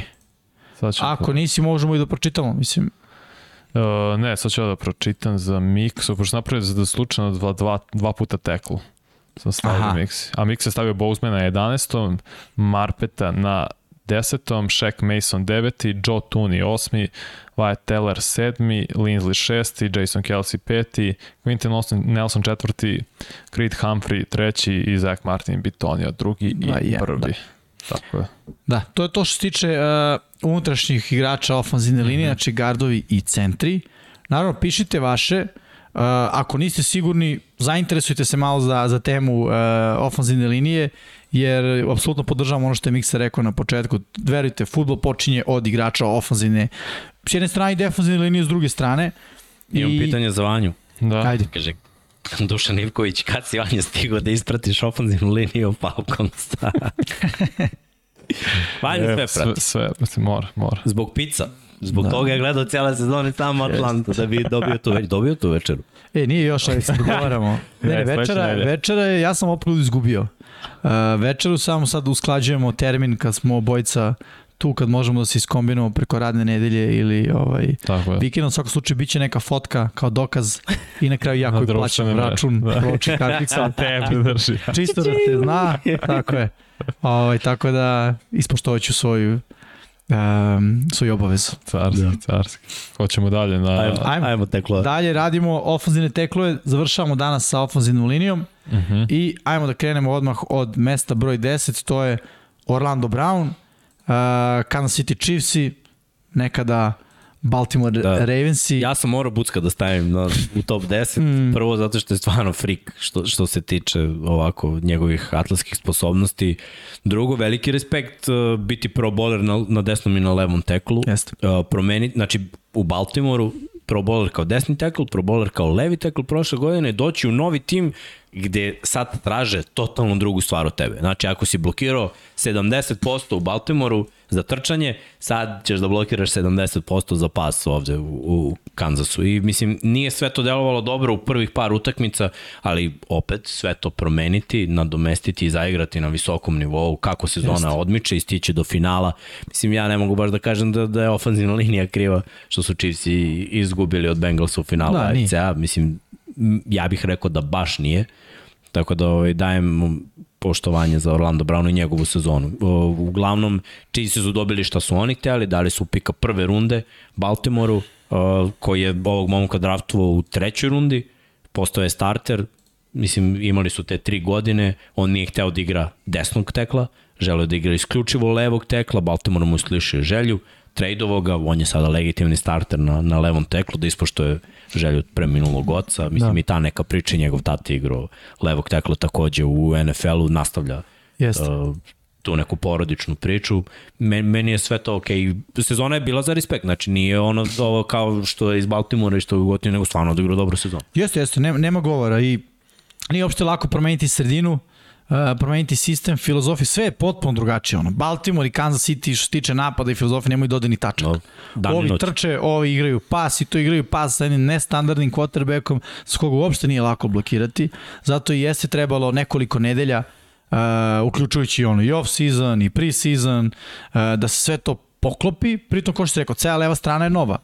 Nov centar, ruki, da. nov levi gard, nov levi tekl. I to uopšte nije lako uklopiti još podlačim sa quarterbackom koji je ono atipičan što se tiče njegove kretnje u džepu, uh, onoga što on radi kada stiže pritisak, način na koji se prilagođava, sve ono u vezi sa, sa Mahomesom je zaista traži jedan poseban uh, skill set ili da kažemo uh, skup veština od igrača ofanzivne linije da mogu da se uklope uh, u tu ofanzivnu šemu.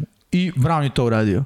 I kao što si rekao, uh, ono, pro bowler na desnom teklu, pro bowler na, na levom teklu i čovek želi da igra levog tekla, došao je u, u, u Chiefs i odigrao stvarno fenomenalnu sezonu. Nije počeo lepo, ali se lepo završilo što se njega individualno tiče. No, verovatno zbog toga je malo slabija ocena. Pa generalno. da, ja, to je jedan razlog zašto sam ga ja, nisam ga stavio u top 10. Da, da. Bio je tipa 28. rangering tackle, ali i zato što sam i pre dve godine video da je igrao na pro bowl nivou na dve različite pozicije, levi, što si ti rekao i desni.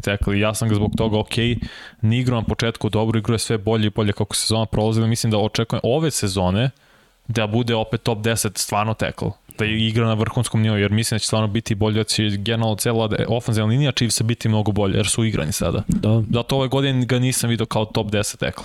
Da, mislim, ja računam ovo što je odradio što, od tog problematičnog perioda do ovog kada su oni postali legitimni mhm. -huh. playoff kontenderi, mislim i za Super Bowl oni su mi bili tu sve vreme i ajde da budemo realni, utakmica protiv Billsa, se baš pokazala za obe ofenzivne linije, bilo se i Chiefs onako kao, wow, to je to, sad, sad su sazreli kao jedinice. On, mislim da, da ocena, da je bila jako loša za njega ocenu tih prvih mesec dana i onda zbog toga je upropastila u, za celokupnu sezonu, ali definitivno kada pogledaš, čovjek ima 6-8. Mislim, i... Tank. Ogroman je. Znači, gledao sam ono kad je bio kod ovog uh, Bolding kod Boldija i Kurta Warnera da, da priča o akcijama i sad priča o svojoj tehnici kako ulazi u taj blok kad radi pras pro i kad ispruži ruku i ovi su krenuli da se smeju jer ono čovjek može da, da odavde odključa vratom od nekog od nas. Znači, nerealnost stvarno je frik prirode. Jeste. I ajde da spomenem, Vanja i Jecega nisu uključili svoj top 10, ja sam ga stavio na mesto broj 10, Miksa na mesto broj 6. Bilo je dosta više e, šarenolika u pogledu teklova nego što se tiče gardova. E, više smo imali nekih imena koje na kraju nisu ušla e, na top 10. Pa, Tako da, da Eto, čisto da znate, bilo je na, na teklu, znači tih situacija smo imali samo dva glasa od četiri, nekoliko takvih situacija, ali sofisticirani softver je izbacio Orlando. Brauna. Pa jako je teško bilo za teklu, mislim, ja sam njega podigao gore, iz jednog razloga. Da je desni tekl, on bi bio top 2 desni tekl u ligi. Bez razmišljanja. Kao levi tekl, mislim, vrlo je kompleksno znati igrati na tom nivou na obe strane, sve je drugačije. Znači, kad uzmeš taj prvi step koji, prave ofanzivni linijaši unazad, kada si desni tekl i kada si levi tekl, sve je naop, sve je kontra. I yes. biti pro bowler igrati dobro na, na oba nivoa, znači da se desi nešto i da, da Chiefsi moraju da zatraže od njega da, igraju, da igra na desnom teklu, on bi, ja mislim, bio lagani all pro tim na desnom. Ba, da. Ovako na levom je jedan od boljih u ligi, što opet govori o tome koliko je on kompletan teklo. Mislim, mi mm. ocenjujemo teklove, Tekle, a ne levog ili desnog. Pa da, ja sam zato stavio na desno meslo Charles Lena koji igra za Vašno Commanderse, manje poznato ime. Jeste, ali, dobra sezona. Da, od, odlično bih rekao zato što gledaš ko ti je quarterback iza. Prvo ti je bio to. Ryan Fitzpatrick, pa onda Taylor Haneke. A Jasne. ti igraš sve, sve utakmice, igraš na visokom nivou i održavaš tu ofenzivnu liniju koja je, gde Šerf ni, nije igrao neko vreme, gde je otišao Trent Williams pre par godina koji je bio ono... Otišao i Moses. I Moses, da, Morgan Moses isto otišao, tako da zato ste morao da stavim Lenam ja da ga malo podigne. Dobro, I, ima, mislim, ima smisla, stvarno. Leno isto ove godine odigrao dobro. Jeste. Inače na mesto broj 10 Mix je stavio Dokinsa, Ercik je stavio isto Dokinsa na mesto broj 10, Vanja kaže Leno, ja sam stavio Orlando Browna. Ja da odbranim Dawkinsa koji vjerojatno nije na ovoj listi. A, pa čekajte, iznenadi. Čekaj, nisi ispratio do kraja. Dawkins mesto broj 3. Iskreno, napredak ofenzivne linije Billsa run game-a, koji je ove godine bio neuporedivo bolji odnosno mm. na prethodne dve godine, naročito na prošlu kada trčanje nije postojalo. Josh Allena, koji je ove godine i trčao, i, i imao vremena da dodaje, mora, neko je zaslužan za to. Tako je. I mislim da Dawkins definitivno zaslužuje da, da ga malo ono podignemo, da neko čuje za njega, da znaš mi sad kad kažeš Billsi, uglavnom znaš za odbrambene igrače, za Josh yes. Allena, Stefana Diggsa i, i još po nekog hvatača. Ajde, nabrojat ćeš nekog backa, tu je dosta Knox, ali online apsolutno nema ljubavi. Znači, ja mislim da je Richie Incogniti dalje najpoznatiji ofenzivni linijaš Billsa, on ne igra u Billsima, pa ima sigurno 5-6 godina. Da. Vi toliko? Ja sam mislio da je manje. Pa otišao je u, u Raiders-e pre Jest. nekoliko, da, pa da, još i penzion. Mislim, možda grešim, možda 3-4, ali da, sve jedno, ima vremena. Da, ima, ima. Prošlo vreme. Sve jedno, ali da, jeste definitivno imena koje mora da se obrati pažnja i jako dobra sezona za njega. I upravo si, kad god vidimo napredak uh, quarterbacka, koji nije ono čisto individualan u smislu ej, postoje precizniji, ne znam, tehnika izbačaja je bolja, odlučnost je veća, nego koje su ono, stvari, Josh Allen sve to već imao i, i godinu dana pre toga. Ali ove godine prosto se taj iskorak i Josh Allena i celog napada Buffalo Billsa video. I ta igra trčanja je počela da postoji. Što Josh Allen, što trkači, sve jedno, ali počela da postoji. Prošle godine nisu bili, oni bili su od preproše kad smo znali da neće baciti, da neće trčati, nego će sve vreme bacati. I neko je morao da, da bude razlog, barem jedan, aj tako da kažem. Pa, da. I svi smo ga videli. Mislim, nismo ga svi zapravo videli, Uh, Vanja, ti ga nisi stavio na svoj top meni, 10. Da, meni je bio tu top 15, kad sam vrteo sve ofenzivne teklovi i gledao i 8 i sve, bio je tu top 15, sad gledam, on je, kao, on je draftom godinu dana pre Josh Allen. Kao rookie igrao kao top 10 tackle. Onda je pala ocena zašto rookie Josh Allen treba da se uklopi, pa onda prva, druga godina, pa onda treće, četvrve, poslednje dve, opet igra kao top 10 tackle. Bio i pro bowler sada, tako da je se pokazao da je Dion Dawkins već nekoliko godina igra na vrlo visokom nivou. Jeste, i što se tiče ocena, opet i Bills su imali jedan pad u toku sezona. Mm. Kao i Chiefs, ja mislim da su jedni i drugi imali mesec dana lošeg futbola, da. ali kada je bilo najbitnije, jedni i drugi su krenuli na gore, to se i videlo u divizijskoj rundi gde ono, to je trebalo da bude finale konferencije, realno meni je delovalo su to dve najbolje ekipe i što se tiče ofenzivne linije i skill seta u napadu na obe strane. Mislim da, i mislim da je to bila najbolja utakmica u play-offu ove godine, be, bez uh, dileme. Iako ih je bilo mnogo. Dobro, Super Bowl je bio dobar. Jeste, da, nego da. ovo je bilo... Ovo je bilo baš ovo je bilo ludilo. ludilo. Ovo sam mogu da gledam još dva dana, no. da igraju ono, te Pogledate me tri puta i, i opet ću. Da. Čekam malo da me pusti, pa da pustim.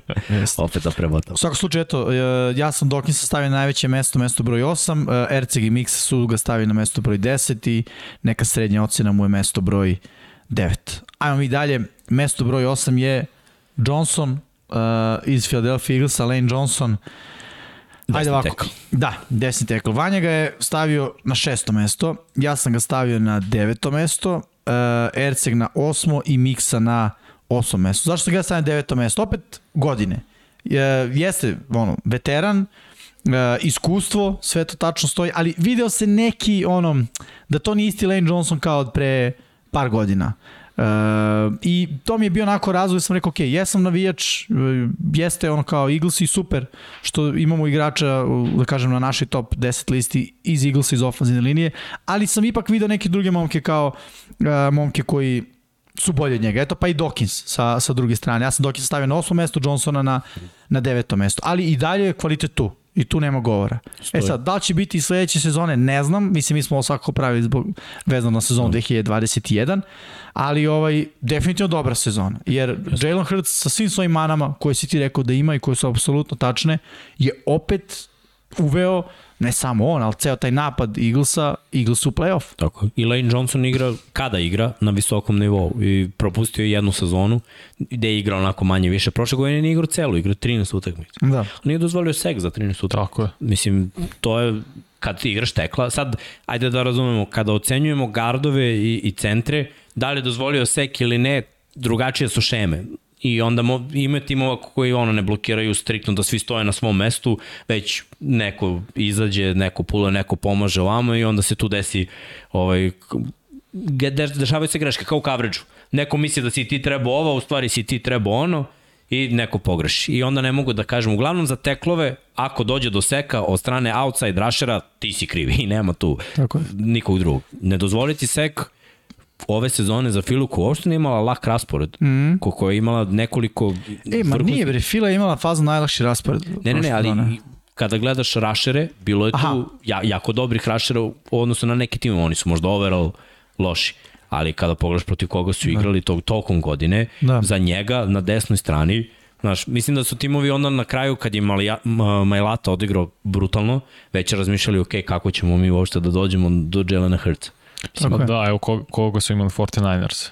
To brutal, linija. brutalno. Dallas Cowboys koji isto su imali vrlo dobru defensivnu liniju. I mislim, gledaj, broj sekova Cowboysa sa Parsonsom je, je skočio. Tako je. Možda Dallas nije ocenjen kao ono kao vrhunski neki tim, ali, ali vidi, sa sekovima i pritiscima. Pas rush Dallasa, pas rush Washingtona. Tako je. A igraš sa njima, to su četiri utakmice. Buccaneersi su isto bili. Tampom. Igrali su sa Tampom. Saintsi. Saintsi. Kako I dobili, dobili su Saintsi, mislim. Da. Tako je, Karolina isto ima vrlo dobru mladu yes, defensivnu liniju. Yes. Da. Tako da I bilo, bilo je, bilo je. tokom godine, mislim, oduševila me stvarno ofenzivna linija, koja opet moramo da kažemo da, da ponovim, četvrto rangirana u, u čitavom NFL-u prošle godine. Već smo rekli kako je igrao Kelsey, pomenuli smo kako su igrali gardovi, Lane Johnson isto preko 80 je, je imao ocenu ove godine. Mislim, stvarno za, za, za sav respekt za njega. I definitivno on spada u top 10, ako gledamo samo desne teklove, on jeste top 5 desne. Mm -hmm. Slažem se. Slažem se. Ajde samo da kažem ko, koga smo stavljali na to osmo mesto, već sam rekao ti i Erceg ste miksa stavili Lena Johnsona, ja sam stavio Dawkinsa, a Vanja stavio Majlatu iz takođe Eaglesa. Ok, ćemo dalje, mesto broj 7. Vanja, možeš ti.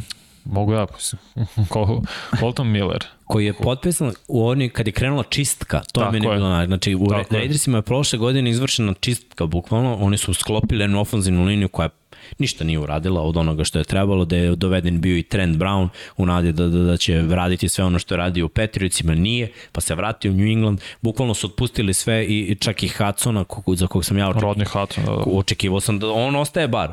Ne. Tako. I to su izmenili, jedan čovek je potpisan, long term, to je njihov pik i to je Miller. I opravdo je. 15. pik na draftu je bio Miller koji je ko, ko ruki bio grozan. A? Ispod 50 mu je bila ocena, ali prošle godine prvo da se razume, ovo što si ti rekao za Orlando Brown, Miller isto 6-8, 2-0-3. Isto je ogroman čovek i neko, mislim, delo mi da sada svata kako da igra poziciju tekla. Nakon, znači, treba mu tri godine da se uigra i da sad u, u, u četvrte godini bude top 5 po oceni na poziciji levog tekla. Da, da. Vrhunska godina. Da, da. Znači, ne, nemam nikakve zamerke. Prvo, Raidersi su ušli u playoff. Mm. Raidersi koji nisu imali neko trčanje ove godine i gde, gde se oslanjalo malo na kara, oni, ako je neko imao uspone padova ove sezone, to su, to su imali Raidersi i na, sve su uspeli da prevaziđu. Yes. Mislim, i ima tu ono malo i bunta. Defanzivna linija i ofanzivna su proigrale, to ono što je falilo, to ono što sam ja pričao godinama da su Raidersi ono pretenderi i da, da ovi drugi timovi iz divizije naročito znaju da ih reše na liniji skrimidža. E, ove godine nije baš bilo tako i videlo se. Sad, došli su do play-offa, izgubili su, ali ove godine su se toliko pojačali da, da mislim da ako svi budu zdravi u napadu, da, da će izgledati ovaj tim malo drugačije. I sa ovim svim oružjima, može i balans, može i Jacobs koji je opet bio povređen i ove godine. Tako da za Raiders idu bolje dani, definitivno. Svak, svakako. I ajde da kažemo da ono play-offu su izgubili od ekipe koja ušla u Super Bowl. Da. Ekipe koja imala šansu da osvoji Super Bowl. Tako da nije to baš kao stramota. Možda i ne bi da nije bilo jedne pištaljke. da, tačno i to. Inače, Kotona Millera ste svi stavili na mesto broj 7, osim mene, ja sam stavio na mesto broj 6. Na sedmom mestu mi je bio uh, Tirstan Wirfs.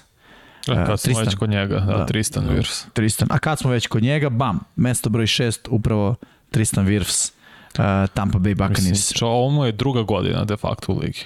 I on je i kao ruki bio pro bowler i sad je isto bio, bio i all pro, ali to je neverovatno kako je uz pomoć, verujem, Toma Brady-a, toliko brzo on postigao ovaj, ovoliko visok nivo. On je uvijek bio projektom da bude elitni tackle, ali on igra, prvo igra de, de, desnog tekla. I ja mogu kažem da je najbolji desni tekl već u drugoj godini svoje. Jer taj nivo igre za toliko, um, na toliko mladosti je neverovatno prosto. Vrhunski igrač. On je baš sa Alabama, tako? Uh, ne. Ja mislim... Ne, možda si upravo, mislim da nije... Jedrick Willis je bio, on je sa Ajove. No. Sa Ajove, da, da. Kakva atleta, on ima oni snimci kako iz bazena skače van no. bazena. Izlazi iz bazena. Izlazi iz bazena i koka. Bez ruku. Sa svojih... Ja ne ustajem, ja se lanciram. da, iz Tako, bazena. Mislim, to, ka, jako to je kakva atleta. Eksplozivni skok u desnu. Ne, da. mislim, čovek je jedan od razloga zašto su oni osvojili Super Bowl i zašto su ove godine bili vrlo blizu da to ponove, ali opet naleteli su, mislim, možda su bili onako malo mlaki i sa game planom, mislim, ajde da gledamo trčanja kada su dva tight enda, kad je Gronk bio na tight endu, a Brait u backfieldu kao fullback, oni su imali 7 yardi po akciji, što znači da je ta ofanzivna linija tražila od ofanzivnog koordinatora ramp levi protiv Ramsa tu su imali nadmoć. Samim tim što su se povukli, krenuli su da gube i Tampa je već otprilike digla ruke i krenuli su ono sve pas. To nije bilo dobro za Tampu ni za ovu ofenzivnu liniju. Mislim, Vrš se još povredio i Robit, protiv da, da. File mm. I, i tu je bilo problema. Znaš, ono, kad sve pogledam čitavu godinu za, za Tampu, nekako deluje da, da su oni mogli da osvoje back to back. Ali sama situacija ova sa vraćanjem Jensena, uh, nakon ove godine, nakon dolaska Šeka Masona. Šeka Masona i sada sa, sa virusom koji je zdrav i vraćanja Toma Brady-a, njih opet stavljaju u dobru situaciju. Prošla godina uh mhm. -huh. je bila možda malo lakša za njih s aspekta dominacije u diviziji zbog svega što se desilo lakše raspored, zato što oni prethodne godine kad su Super Bowl nisu bili šampioni da, divizije. Da, drugi su bili. To je malo lakše. A moram poklonim i Donovan Smith koji je levi tackle, Just. koji je isto top 15 po Pro Football Focus, on, njemu se malo priča, ali kad ti, da. ti imaš top dvojicu top 15 teklova, da Mislim, ti imaš stvarno brutalnu ofenzivnu liniju generalno, ali ovo je stvarno svaku pohvalu. Mislim, samo Alex Kappa ima ocenu ispod 80 u toj ofenzivnoj liniji. Tako je, koji je... više nije tu. Da. što je opet malo smešno. Mislim, od pet ti imaš jednu koja je loše ocenjena, on nije igrao loše. Da, da. da. I, i, igrao je dobro. I to je guard gde možeš malo i da kompenzuješ. Tako je. I imaš dobre blokere tight endove. Tako je. Već sam spomenuo gde sam ga ja stavio, na mesto broj 7. A, što se tiče Vanje, dosta si ga stavio gore visoko, Vanje mesto broj 3. Uh -huh. A, što se tiče Ercega na mesto broj 4 i Miksa ga je stavio na mesto broj 9. Onako šarenoliko. Da, dobro, Vanja rekao da je on njemu najbolji desni tek. Da, da, ima smisla da bude treći onda, da. logično. Uh, tako da ukupna ocena za Virsa je uh, mesto broj 6, inače Mix je na šestom mesto Orlando Brown, Ercegu je Slater, uh, meni je Miller, Vanji Lane Johnson. Isto tu šareno, nismo imali dvojicu sa istim, sa istim pikom. Ajmo na top 5 Vanja i prepuštam tebi da najaviš. Top 5 si Rashawn Slater kao ruki da igraš, da budeš zapravo izabran kao za second team all pro, budeš pro bowler, da ti, ti Linsley promenite jedno od najgorih ofanzivnih linija da budu jedna od boljih, ne, možda top 10 ocenja, čini mi se rekao Mikse kao top 10, da, da. ali da, da konstantna pritisak ti imaš kao ruki na poziciji levog tekla koja je u druga najbitnija pozicija pored quarterbacka na jednom timu, to je stvarno za svaku pohvalu kako je Rashawn Slater igrao ove godine. Jeste, i Herbert igrao bolje i mislim da bi ova ofenzivna linija igrala bolje samo da, da postoji malo više balansa u, tom napadu. Svakako za jednog rukija doći u diviziju gde ima dobrih rašara, Uh, gde Denver igra jako dobro u odbrani, gde Raiders i videlo se Max Crosby ova godina, da je breakout godina Jest. i uglavnom napada po toj strani. Mislim, kada pogledamo i Chiefse, i Broncose, i Raiderse, to, su, to je znači šest utakmica, plus oni ukrštali sa Severom, znači gde su i Ravensi, i Steelersi, mm, i Browns, Browns, i na kraju Bengalsi. Nije bilo lako, a oni su odigrali ok. On lično je odigrao vrhunski i uzet ću u obzir sve što je uradio ove godine, kako je Herbert nastavio da prosperira, Chargersi su ostali bez play-off, ali on mora bude u top 5 zato što su ovo stvari koje moramo da cenimo. Kao što je Creed Humphrey u svojoj ruki sezoni u top 5 kao interior lineman, on mora da bude kao tackle ovde top 5, jer biti u bilo kom All Pro timu, znači da, ono, da si među najboljima na svojoj poziciji, mislim. Da se nalažemo koliko ima u dva tima, teklova četiri. Da, da. da. Oko ovo je peto mesto, sad dobro mi kombinujemo levog i desnog, ali realno gledano, de, dečko je odigrao na visokom nivou, ocena mu isto preko 80 i opet uzimamo u obzir da oni nemaju pomoć taj tenda. Tačno. I uzimamo u obzir i njihov play calling no. i ne, neiskorišćenost trkača, Ekelera pre svih. Uh, I sve su to neke stvari koje onako mogu da budu uh, razlog zašto ofenzivna linija Chargersa nije kao ona svrstana u ne znam, neku najelitniju, ajde, ajde to. Fali cela desna strana. To što su top 10 je vrh s obzirom yes. da imaju ozbiljnu rupu na desnom mm. teklu, što je, mislim, opet greška njihova, jer su se uzdali u Bulagu koji je trebao da igra bar jednu od ove dve godine koje je mm -hmm. propustio. Znači, da. izabrali su nešto, doveli su slobodnog agenta koji je bio visoko ocenjen i nije odigrao čovjek ništa. Tako da probali su sa Nortonom, ne, mora. moraju da draftuju, ja pa, mislim, da, da za njih da. ide kao i za Bengals ili da dovedu nekog veterana ili da draftuju desno teklo, to je sledeći korak za, za Chargers. Inače, Slatera smo svi stavili na mesto broj 5, osim Ercega koga je stavio na mesto broj 6, njemu je na petom mestu Jordan Mailata, što nas dovodi do mesta broj 4 i Jordana Mailate. Otkrovenje. Otkrovenje, jeste. Otkrovenje i to opet Eaglesi. Da, ali Fila ima otkrovenja na levom teklu, znači i Jason Peters je mm -hmm. taj ten koji je napravljen u Fili na levog tekla. Iako je karijeru počeo u Billsima. Tako da Fila je već znala da pronađe, da kažem, ovo, ovo nije uvredo, nego ovaj epitet pohvalni uh, strvinu. pa je, ovaj čovjek je stvarno strvinu. Kad pogledaš, isto kao i Peters da li si ikad pogledao prvi korak Petersa da je uvek brže od, čitave, od čitavog ostatka? Da, uvek deluje da je full start. Uvek deluje da je full, jer njegov moment reakcije je nevero, a čovjek je najveći na terenu. Yes. Drugo, kada krene da pule, onako kao Orman da sigurno. znači, Ali nizbrdo, e, pošto je brzo. Znam misli ti cornerback i da vidiš ovo ide ka tebi na lob, šta se lezi po je isto 6-8. Znam, zato i kažem. 350 pounds. Zato kažem, znaš, trvino. Mislim, i, i, i biti toliko pokretljiv, igrati tako dobro, čovek je došao iz potpuno druge sredine. Ja, on je igrao ragbi? On je igrao ragbi. Da. Znači, sport, jako imaju neke sličnosti, ragbi američki futbol imaju mnogo više razlika Ma, ne, nego sličnosti.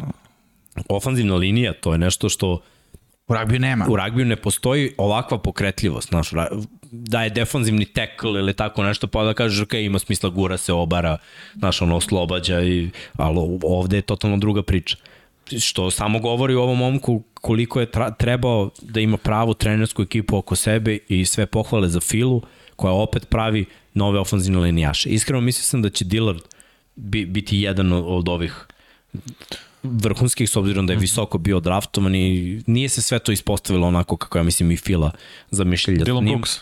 Da, da. Uh mhm. -huh. Ali se ovaj desilo sa ovim dečkom i onom.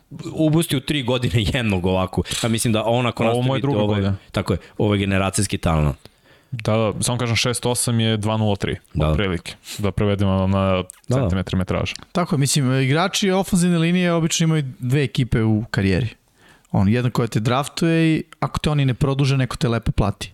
I to je to. Uh, jer ono, igraju možda 7-8 godina, do 10, ajde sad zavisi kako ko, ali oni uglavnom imaju duže ugovore. Ruki ugovor je 4 plus 1 i rekoh nakon toga ako te neko plati obično ti da 4-5 godina jer kao tad si u prime realno, draftovan si sa 23-4 i 4 godine kad prođe imaš 27-8, to je to. Igraš igru već 4-5 godina, razumeš, ako si, ako razumeš, ako si skapirao, razumeš šta se dešava ispred tebe i sad je vreme da te neko plati, taj to obično Tako plati, da ti dugogodišnji ugovor Jer hoćeš da imaš drugi, ofenzivnu liniju kao kompaktnu jedinicu duže vremena. Taj drugi je obično na 5 godina, jer za ofenzivnu liniju, za razliku od drugih pozicija, ta ono muška snaga, s obzirom da ne trče mnogo, da. nije kao za, za hvatača da kaže mm. ono 32 godine matori. Mm. Za ofenzivnu liniju 32 godine je on u punoj snazi čovjek. Jest. I jest. onda ima smisla od 27. dati petogodišnju. Tako je, apsolutno. Apsolutno. Ajde da kažem Majlatu gde smo stavljali, Vanja ga je unakazio mesto broj 8. Ja sam ga stavio ovde na mesto broj 4, tu ga i Miksa stavio, a Erce ga je stavio na mesto broj 5. Da, Nije ja toliko šareno. Obzir, ja sam uzao obzir, mislim, sve ovo što smo pričali, došao čovek iz ragbija, ne igra dugo i ovako visok nivo u timu gde je mlad potrebek ući u play-off i mislim, dostići nivo Kelsija i Lejna Johnsona je sam po sebi impozantan. Najte reći najbolje ocenje tekla, 88,3 ocen. Brutalno. Vruće. E, mislim, Možemo dalje, mislim, sve da, pohvale da, za... Idemo sa top 3. Majlato. Krem de la krem, Tyron Smith, uh, mesto broj 3 Dallas Cowboys. Koliko god da je u padu. Jeste. I dalje iznad većine. Mislim, i, da, i dalje je sila. Ali ove godine bi imao ocenu preko 90. Jeste. I ove godine Dallas igru jako dobro. Mislim, i, i nisu baš imali neki težak raspored i u diviziji je bila apsolutna dominacija. Jeste. I sve je to išlo na ruku njegovim ocenama. Bilo je utakmica gde, znaš zašto, u stvari, on je postavio lestvicu previsoko. Jer je on jedan od najvećih frikova atletskih gledano mm, da. na, na poziciji levog tekla i onda se povredio i nije igrao dve godine i naš, mislim, nije igrao. Igrao je, nego ono, da li igra, da li ne igra. Igra povređen. Pa ima ovu bioničku ruku, koleno, znaš, i, i to je sve malo po malo, malo po malo a trčanje, jardi sve više padaju i padaju, Elliot sve manje i manje del. Mislim, možda je i do Elliota, možda je... Ma, I do filozofije kao Tako je, Kellen Moore i dodavanja previše, onda providno je i sve vuče jedno drugo, ne ulaze u play-off i ovo tek ove godine jesu, ok, za sav respekt, znači imali su malo lakše raspored, sve su iskoristili, on je odigrao jako dobro, ali kada pogledaš overall i druge teklove, i dalje institucija, znaš, to je ono, jedna njegova možda slabija ta, ona, ne prošle godine, nego ona tamo, da. nije bila dovoljna da, da, da njega izbaci iz top 10, šta više nije bila dovoljna da ga izbaci iz top 5. Znači to je to i dalje na, na vrlo visokom nivou. Ocene su tu i dalje je dobar, opet kažem i taj Pollard je malo pogurao ocene, ja mislim, Jest. u ofenzivne linije Cowboysa, ali oni isto moraju da, da, da pronađu malo neka nova rešenja. Mislim, to što su uh, rangirani kao prva ofenzivna linija u čitavoj ligi, uglavnom je zasluga Zeka Martina i Tarona Smitha. Apsolutno. Jeste. Jeste, apsolutno. I ajde da kažem ovako, ja i Ercik smo ga stavili upravo ovde na mesto broj 3, tebi je Miksa drugi, a Vanji je na mesto broj 4, tebi je na mesto broj 3 Miksa uh, Whitworth, a Vanji je na mesto broj 3 Virfs, to smo već da. uh, spomenuli. Vanja je Virfs avansirao gore. Da, sam ću reći da je Tyron Smith i uporko sad ima 32 godine, dopusti samo dva seka.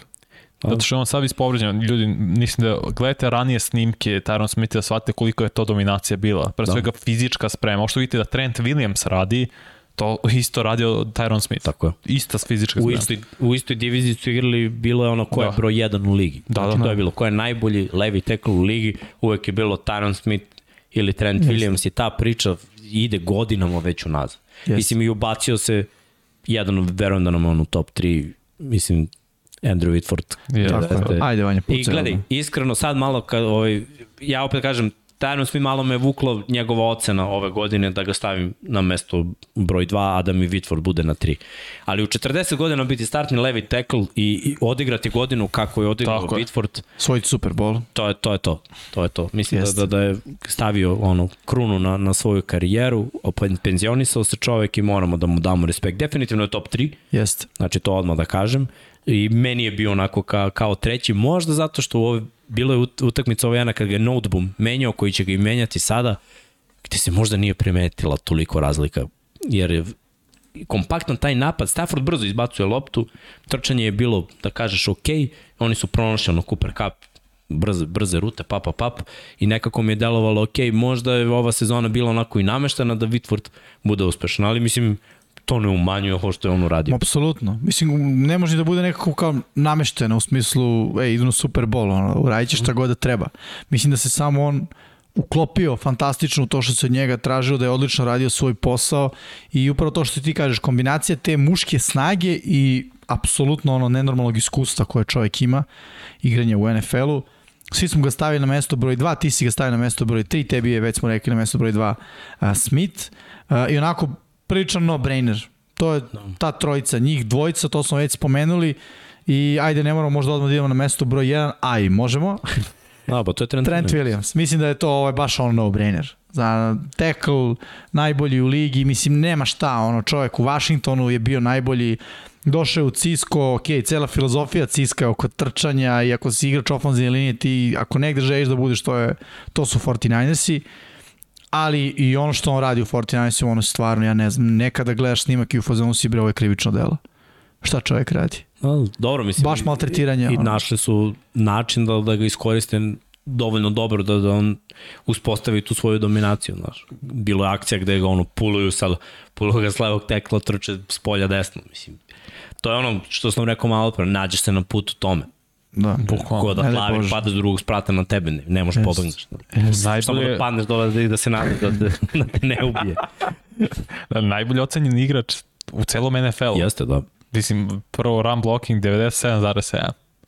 Da, da. da sam tu da shvatu ocene od 0 do 100. Da. Skoro savršeno. Ja sam Smitha stavio iznad Viforta jer ocen, razlika između njihovih ocena bila tu oko 5. Ovo ima preko 90, ovo je mislim 86, ima 97 Whitford. Da, Williams ima 96,6. Da. E sad, gde je ovaj iznad njih? Da.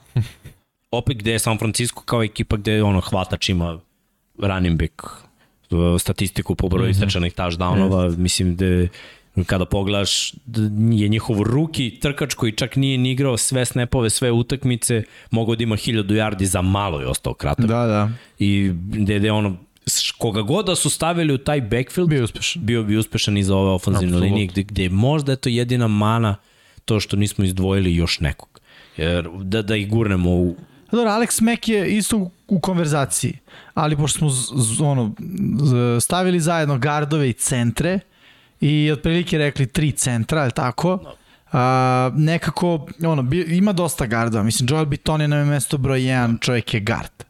Uh, ko ne beše bio na broj 2, isto je bio gard u pitanju. Zach Martin. Da, Zach Martin. Bilo je sedam gardova, tri centra. Tri, tako da. je. I onda nekako, uh, ok, znaš, i, i, i Mek je na zalasku karijere, ne umanjuje to iskustvo, isto ludačko, deo si ofenzivne linije koja uh, maltretira protivnike, i, ali Trent Williams, ono. Dobro, on je najveća zvezda. Case close. Mislim, gledaj, i Tom I... Compton ima dobru ocenu.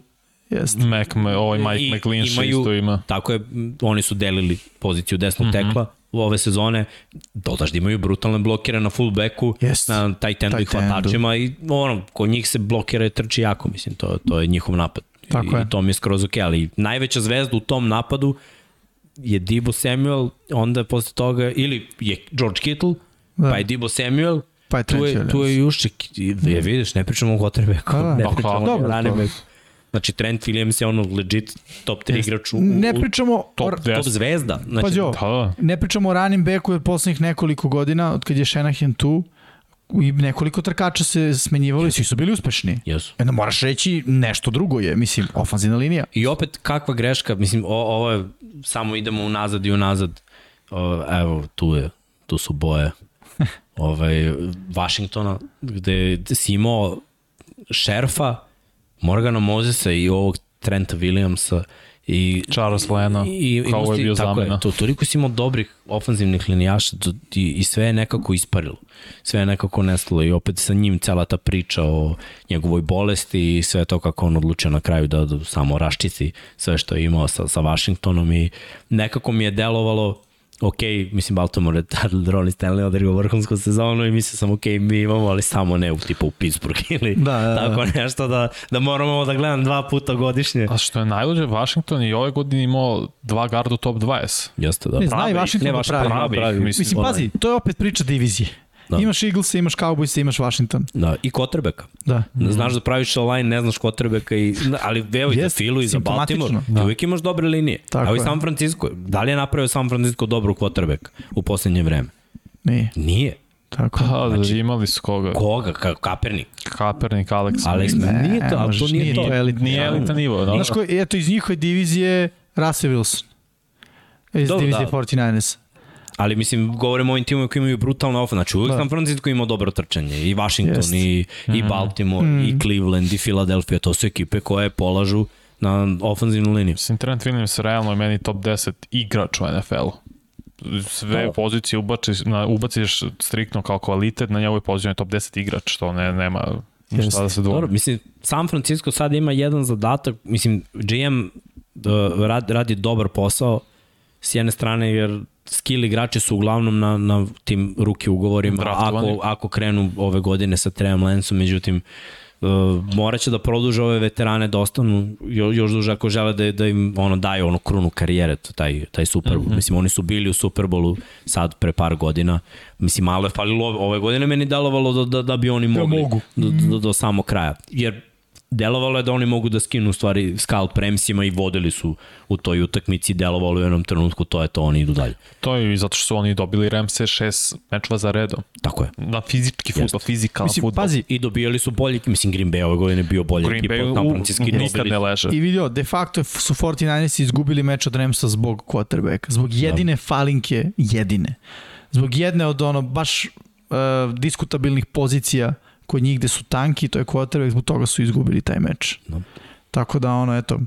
Ali da, kad zaokružimo celu priču o igračima ofenzivne linije, ajde da pogledamo sad uh, top 10 ofenzivnih teklova, znači ovo je po našem konsenzusu, još jednom broj 10 Brown, broj 9 Dawkins, broj 8 uh, Johnson, uh, broj 7 Cotton Miller, broj 6 uh, Tristan Wirfs, uh, broj 5 Slater, broj 4 Majlata, broj 3 uh, Smith i poslednja dva su, to je prva dva, su uh, Whitworth i Trent Williams na mestu broj 1 kao apsolutni dominator ove igre. Što se mene lično tiče, uh, pa nema novih imena, tako Nema, da, samo sam ih rotirao da drugačije. Miksa isto. Što se Mixi tiče, ista priča. Tako je. Što se tiče Ercega, tu je Leno, stavio ga na mesto broj uh, 9 i kod Vanje čini mi se isto, Isto Leno. da je Leno, Leno i Smith pitanju. isto ima. Da, i Smith, tako da, je Leno na da, levi 10. mesto. tackle Tampe koji je stvarno bio ove godine. Mislim, ne priča se dovoljno o njemu zato što je na desnom teklu baš Wirfs i ostatak Marpet Jensen, ali Smith isto igra baš dobro ove godine. Na Tako. poziciji levog tekla. A, da, i sa ovim smo završili priču o ofenzivnoj liniji, na što se tiče top 10-a, top 10-a, Top bože 10. gospode, top 10, a, za sezonu 2021 i šta znam, pišite na vaše top. Da, vidim, ja malo, malo popratim onda uglavnom nisam video ovaj, da, da, ljudima, da ljudi ne dele na naše mišljenje, uglavnom su unapred već e, znali ko, ko je najbolji, ovo, kako ide, ali ajde da kažemo i ovo, toliko je sa koleđa, igra se tako promenila da sa koleđa uh, mladi igrači instant postaju produktivni i mogu da budu top 10. Eto i ove godine, mislim, evo, nismo stavili Derisova, koji je igrao jako Jest. dobro ove godine. Jest. Isto je mogao, mislim, možda nije top 10, Top 20 sigurno. ali top 20, mislim, mm. što je opet za svaku pohvalu. I za ruke Od je ludilo. 64 tekla, da. ako ih ono gledamo, ti, ti si ocenjen mm -hmm. kao, kao top 20.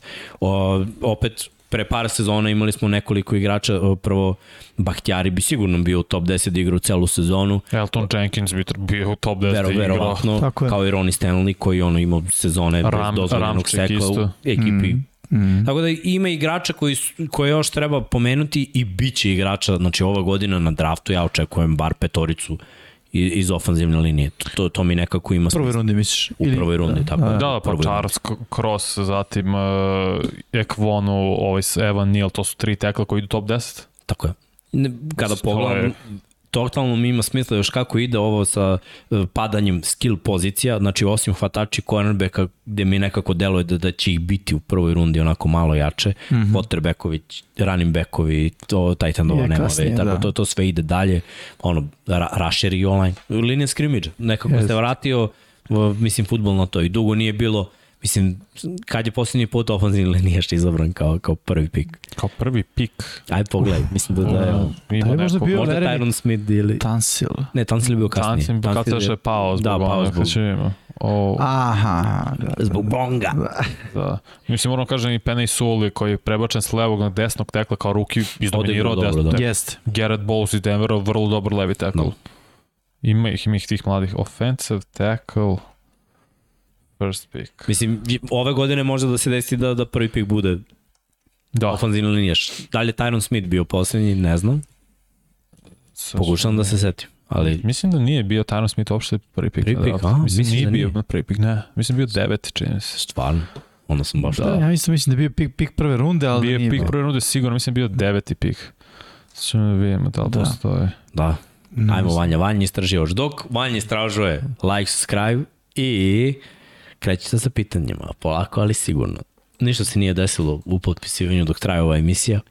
Čekaju da se završi 99 yardi, pa onda... Eric Di- Fisher je bio. Bravo, Erik Da, Fisher, Mislim Chiefs. da je 2012. Da, čekaj, imamo list of overall number one. 10 godina. Da, da, da, da, da. Da, evo sad ćemo da naš sam. Evo imamo pitanje, da li Ilija Krinović ima šanse da dospe do ovih listi narednih godina, kako vidite njegov razvoj? Iskreno za njega bih volao prvo da postane starter na Boston College, mm, to bi bila tako velika je. stvar jer onda bi mogao da... Mislim da mu se sad nastavi otvara Otvaramo sad Da. poziciju. pozicija. da Zion, postane ovaj. Johnson ide na draft koji je tako guard, tackle. Tako da slad s ove sezone koje dolazi, uh, gledajte NCAA i mm Mhm. -hmm. pratite, mislim, Iliju pre svega. Evo, Boston College pravi ozbiljne ofenzivne linijaše generalno, tako to u njemu ide baš u prilog. Ima u poslednjih nekoliko godina baš solidan broj ofenzivnih linijaša baš sa Boston College. Ali da, Eric Fisher je bio 2013. A pre njega Orlando Pace, 97. Uf, da, Orlando Pace, kakav Da, da, da, monstrum Da. za St. Louis Samo dva puta izgleda da je bio ofenzivni tackle, prvi pik na draftu, ali u poslednje vreme su često u top 5. Dobro, ima smisla.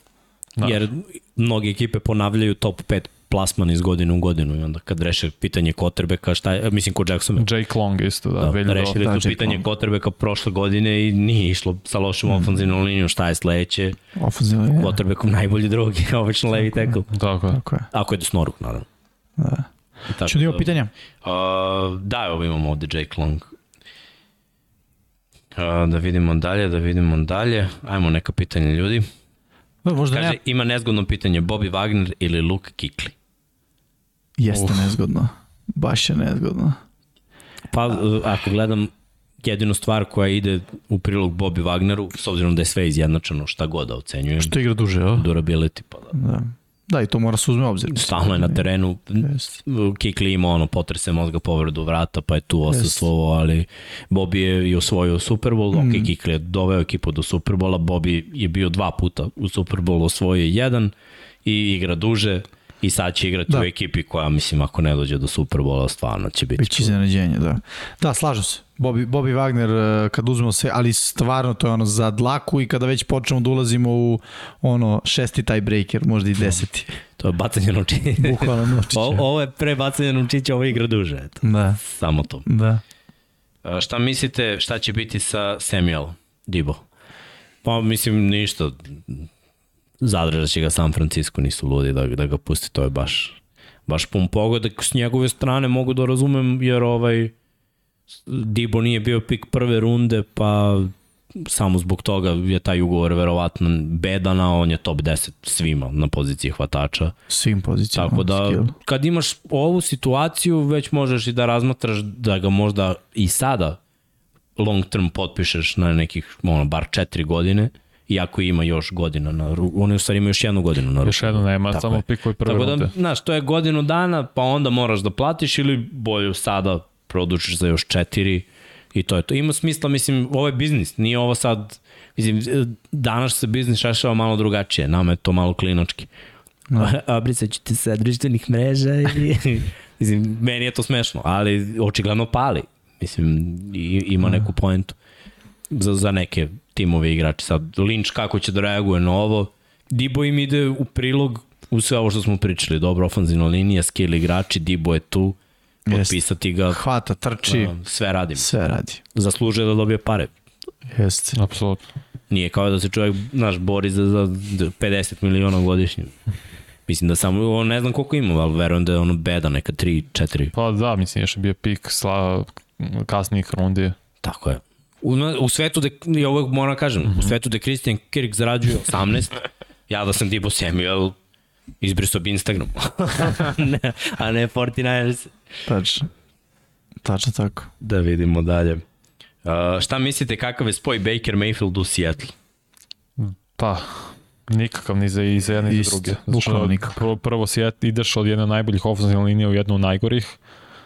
Hvatače imaš bolje tamo, ali opet ofenzivna linija je krš, igra trčanje, ništa posebno, odbrana se raspada. Seattle je u mnogo teškoj diviziji, ako se to već osetio u svojoj, pa ba, baš, baš loše. Ne znam kako, kako će to on pomogne, sem što će biti startni quarterback. Ma nikako, bukvalno. I to će biti startni quarterback poslednji put tu, ako bi otišao u Seattle. Jer nema tu prosperiteta za njega. Ne, ne odgovara mu u situaciju u kojoj se Seattle nalazi. Što ti kažeš, iz naj, najbolje ofenzivne linije u najgoru. Što se hvatača tiče, Pa vidi, bolja situacija, ali da li on zna da koristi loketa? Ne zna. To da možemo, ja bih rekao da Baker ne bi umeo pa, da koristi loketa. Pa svi su rekli, Beckham je ono, ispušena muštikla i ne znam šta, počeo odjednom da igra da. misteriozno u Remsima. Nije da. Mislim, evo i Landry da. i njegovo nezadovoljstvo i sve, i sad odjednom svi hoće da igraju za Dešona Watsona, mislim, druže, možda i do tebe. Do njega je. Da. možda malo više reklama, malo manje dobrih odluka. Malo manje reklama. A, misliš da je uradio da, više? Uradio više Aha, reklama. Da, da, apsolutno. Da, da. Mislim, pazi, jedna odluka je meni uvek bila ono, uvek će mi biti u glavi. Ono, brijanje između kraja utakmice i preskonferencije. Ono, kad imamo brkove pa ih Brate, moguće da imaš vremena da razmišljaš o tome. Znaš, ono, Egomanija, nema druge. To mi je, to mi je nejasno. Sve drugo mo i, i mogu da razumem, da. i pare, i reklame, i sve što hoćeš, ali ono, bolje tih pet minuta da se razmišlja o tome šta nije bilo dobro na utakmici ili šta je bilo dobro i, i tako dalje. Uh, da vidimo, da vidimo dalje. Komentar za trade Eaglesa, dobar trade ili ne? Pita DK. Dobar. Metcalf. Kad se potpiše, to je kad se podvuče crta, dobar trade. Već smo spomenuli to na početku. Uh, još jedna stvar i to je Vanja lepo primet, mislim primetio, istakao kad smo mi diskutovali interno, uh, tri pika prve runde moraš da platiš. To su pikovi prve runde. Za cap, da. Za cap to je, to je udarac. Uh, da li ti baš svi trebaju ove sezone? U suštini, brojčano kada gledaš, u dve godine nisi izgubio ništa. Imaš četiri uh, pika, pika prve, runde. prve runde. U dve godine. E sad, ok, da li ti baš treba u jednoj tri, u drugoj jedan?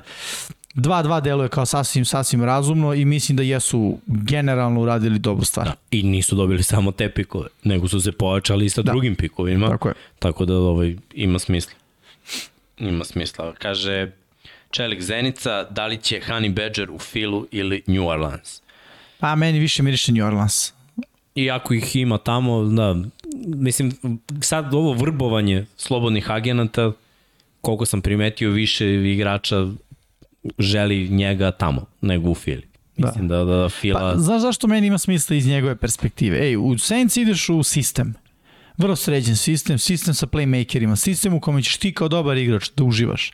U filu ulaziš u jedan, neću reći haos, ali onako polu haos. I sad, znaš, sa aspekta tebe kao igrača koji je realno već veteran, koji u sebi ima još diskutabilno koliko godina da, da igra, bolje ti da odeš u Senice. Iako situacija u napadu možda nije najjasnije, ali šta, u Fili jeste. Nije ni u Fili, realno. I tu imaš znak pitanja na poziciji quarterback. A manje je znak pitanja Winston. On je sa Chiefsima bio u vrhunskom napadu, da kažeš najboljem, pa od četiri godine jedan Super Bowl. Mislim, nije ni to ono kao da. recept za, za siguran uspeh. Ne, ne mora da znači ništa. Ali ako govorimo o odbrani, Saints imaju top 5 odbranu i Tako je. Allen je glavni trener od defanzivnog koordinatora ima, ima smisla da bude tamo. E sad, sve zavisi u stvari od njegovih ono, ambicija za pare šta on zapravo Tač. hoće i kako će naš da, da spušta sebi cenu, šta mu u stvari ambicije. Mislim, sa Saintsima on može da uđe u playoff pre nego da ode u neke AFC ekipe, na primjer, ili sa Filom ostalo. Da. Ako mu je to ambicija, ako su mu ambicija novci i dalje na ime može da potpiše sa slabim Vidi, timom. Ja bih rekao Saints ili Fila, svakako pričamo o ekipi 6 ili 7 koja ulazi da. u, u playoff. Mislim, ako je baš spreman da spusti sebi cenu, on može da se vrati u Chiefs. Pa da. I, I to me ne bi čudilo. Mislim, ja mislim da su da da ova odluka Chiefsa da da on ne ostane cap da nije kao je nismo zadovoljni ovim nego jednostavno ne ne pa on je jedina svetla tačka u, u toj odbrani mislim bio. Da. I Chris Jones. Da. A, dobro da vidimo dalje Igor Vranić pita hoće li posljednji trendovi hvatača dovesti do toga da će svaki hvatač koji imalo vredi tražiti bolje ugovore ili pretiti hold out. Pa hold outom neće više pretiti jer im se ne isplati. Jer po jednoj nedelji kad ne, ne treniraš, izgubiš dosta para. Ja mislim da da ono 20-30 hiljada. Pa jeste i plus toliko hvatača dolazi iz koleđa svake godine. Bukvalno ne isplati se da holautuješ zato što će neko ovako zameniti. Tako, Tako je. Neki mlađi, mislim, uvek se to desi. Mislim, znam da izgubiš 30.000 nedeljno, to je, mislim, le, lepa svota za mesec dana tvog netreniranja, a ove godine ja očekujem 6-7 hvatača u prvoj rundi i slično je bilo i prošle i pretprošle i nekako ide u, u tom smeru da znaš, nikom, niko ne dobija od toga što ti sediš kući. Jest. Znaš, sad ako želiš novi ugovor, mislim da je ovaj trend trejdova malo realniji u NFL-u. nećete da me platite, tradujte me. Da. Ima neko ko hoće. I uvek se nađe neko ko hoće. Tako Nema, je. znači, ako ti ne možeš da platiš, neko ima i neko hoće, sve je stvar u koju sredinu želiš da odeš. Znači, koliko smo primetili, svaka krpa nađe za krpu. Tako je. Uh, evo sad vest od pre dva minuta. Ronnie Harrison se vraća u Browns. Safety. Potpisan safety, da. Dobro. Tako da eto. To je jedina veza u toku 99 Dobro. yardi. Pa ne čekaju da se završi 100%. Kad zvoni, tad kreće.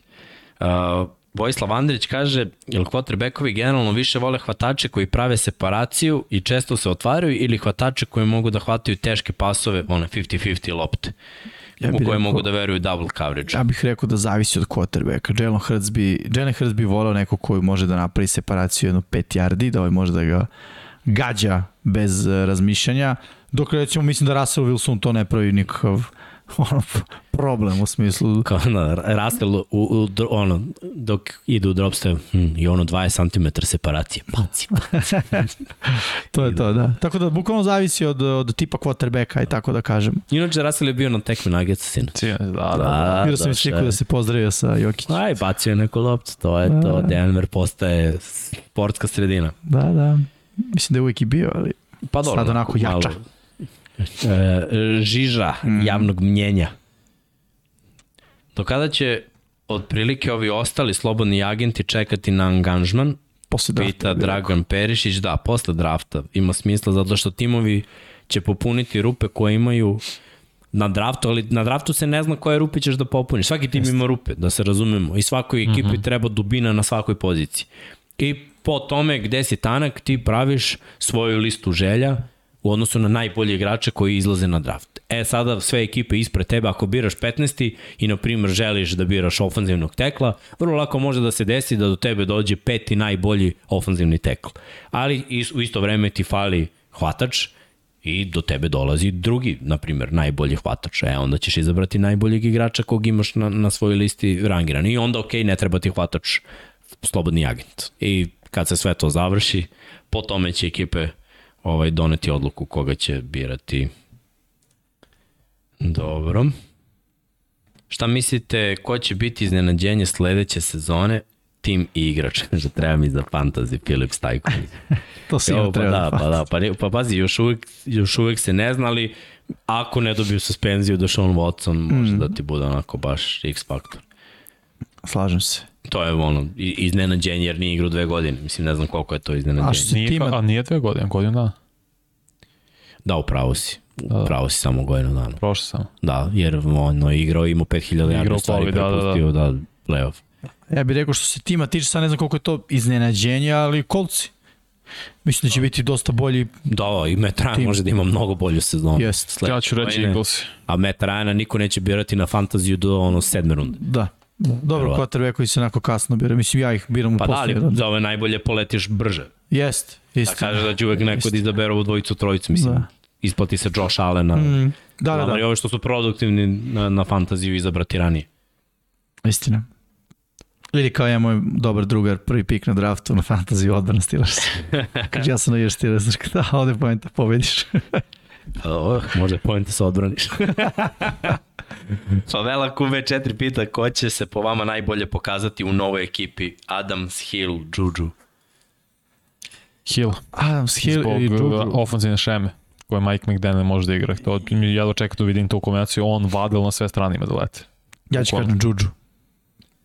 Pa, do, pa ja što znači stvarno nije da vam kontriram, ali mislim da će Adams dobiti najviše lopti ikada, ono, jer Carr voli da forsira, videli smo već da, da je prvo je forsirao za Volera godinama, pa ove godine za Renfro, a zamisli sad mu se vraća mm. drugar s koleđa. Ne, Još ima, si. ono, diko, imaće targete, sad on je u vrhunskoj formi već pet godina, stvarno najbolji hvatač ako uzmemo poslednjih pet godina. Deluje mi da može samo da nastavi u drugom timu. I bit će zanimljivo jer je ta divizija ludilo. Znači, Vatromest, bolja divizija. Ja ne pamtim da, da je bila jedna u posljednjih Nikad. 20 godina. Da, da ne postoji najgori tim u diviziji. Tako da ne može da kaže, e, ovo je najgori tim. Jest. Fun times. DK pita, Jimmy, šta misliš za novog hvatača File, olimpijac, E, da, vidio hurler, Da, vidio sam. preponaš. Vidio sam, pa ne znam, ajde da preživi prvo uh, pre-season. No. U smislu, potpisuju se takvi igrači, pogotovo sada, nije običajno kao recimo što Bears imaju, ne znam, 8 tight endova, da ekipe sad imaju po 12 hvatača na depth chartu, treba prvo se preživi ono uh, off season, pa onda pre season i ako, mislim, ja da budem iskren onako po onome što sam uh, kao naravno to sad sve ono flashy vesti kao olimpijac, ne znam ovo, ne znam, sve to deluje kao sjajno. Uh, nisam vidio puno futbolskih nekih highlighta od njega, ali ukoliko bi mogao da radi recimo nešto što radi Edelman, pošto onako malo podsjeća na njega, to je moglo da bude dobro. Znači mogao bi da bude neki slot koji ono operiše unutar 7 yardi, da kažemo, te neke rute i to bi Fili bilo sjajno. Da. Fila nije doživjela da, da njih, njen olimpijac da. Marcus Goodwin za, zaigra za Fila. Šteta. Ali da. eto, on je jedan od tih olimpijaca skakaču dalj sprinter koji, mislim, Tyreek Hill naravno, koji je isto bio. Uglavnom su svi sprinteri manje više, da kažemo, nego ima ovih uh, momaka koji, koji su trčali i prepali. Ali da, definitivno se gleda. Fila, mislim, ide u smeru brzine to, to je i više Jest. nego očigledno. Znači, Jest. hvatači se biraju na kontu 4-3-4-4. Strašno. I, ovaj... Počne na Raiderse i užasavam se toga. Pa dobro.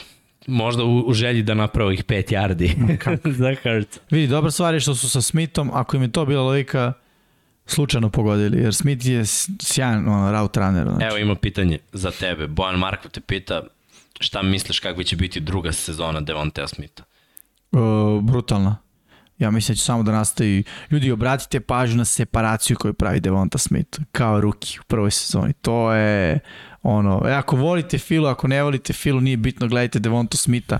Dečko pravi nestvarnu separaciju do te mere da je on uvek dve jarde sam u trenutku kada pravi break i, i otvara se. Bilo koja ruta koja ima ono završetak e, da se grudima okreće ka quarterbacku, hitch, comeback, curl, rastura, znači to je nestvar, nekad ne znam kako, kako, kako se to uopšte izvodi, ali ono, route running, brutalan, tako da mislim da će biti još bolje.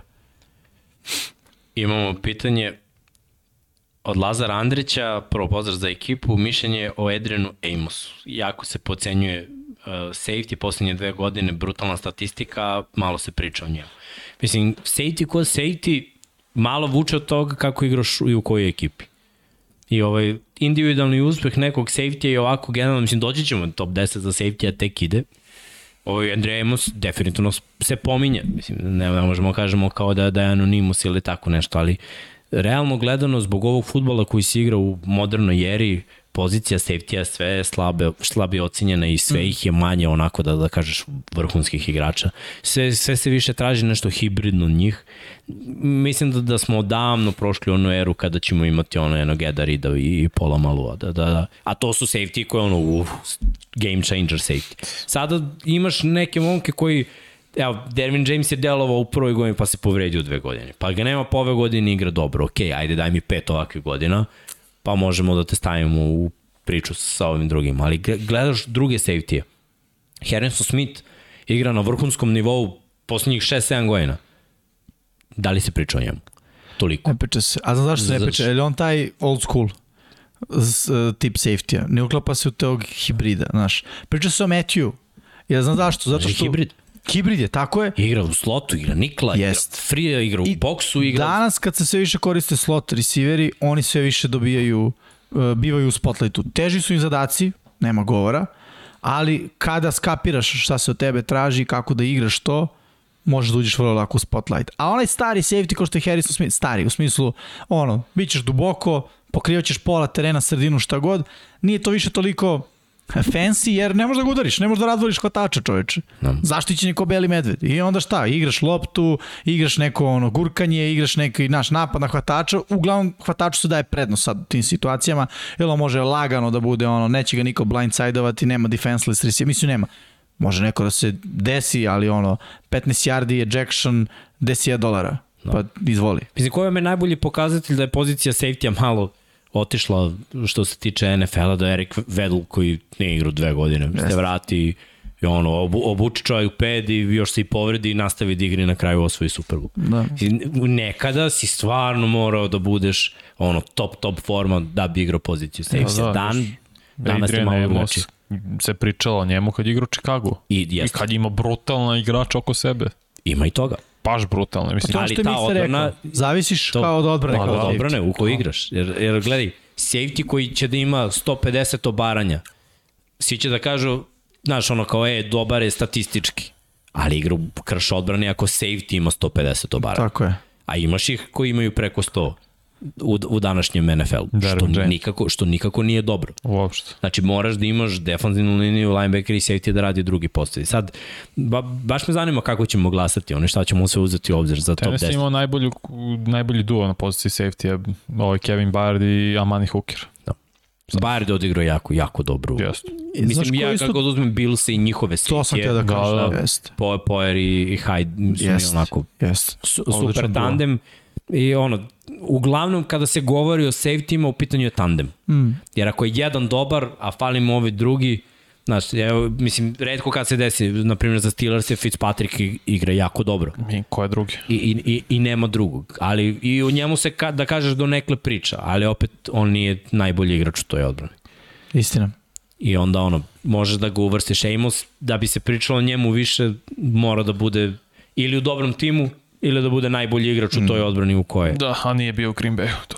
Jer prošle godine u Green Bayu Demondre Campbell je skočio, Clark je skočio, uh, pazi, i bilo je drugih imena koji su više iznenadili. On više Jair iznenadio Rasul, Alexander. Douglas, Jair Alexander, znaš, baš visok, visok nivo. Rashawn Gary isto. Da, Rashawn Gary dominirao. I onda, znaš, gde je on? Odigrao je dobro. Jeste. Nije odigrao da ga staviš ono kao u top 3 najbolje igrača.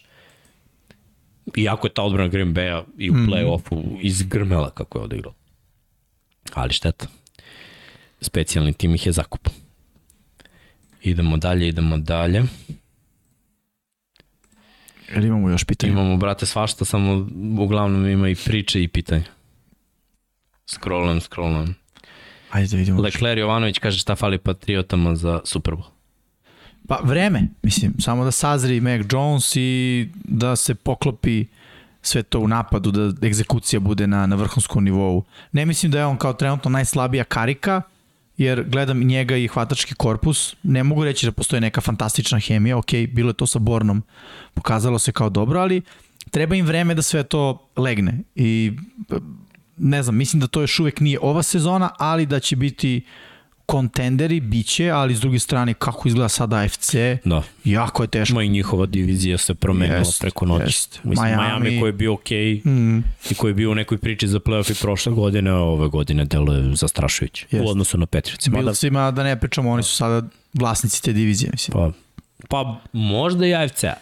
Možda i AFC-a. Sad kad su da. se Chiefs malo raspali bez, bez Tyrika Hilla i ovo, Jeste. može se reći tako. Dobro, mislim, u principu, koliko vidim ovde, I imaš pitanje, Jimmy, treći put, evo ga, Favela QB4 pita za pastuve, da li si ih gledao protiv Kragujevca? Jesam. Da li ćeš da odaješ tajne domaćeg? Ne, ne, neću da odem taj, nego šta, šta je pitanje, da li sam gledao? Pa ne, šta? pita kako ti deluju. Pa, šta znam, iskreno, ne znam, nisam odušenjen, da budem iskren, kad sam ovaj, gledao, ali su se dobro borili u prvom poluvremenu, mislim, ne, nema šta.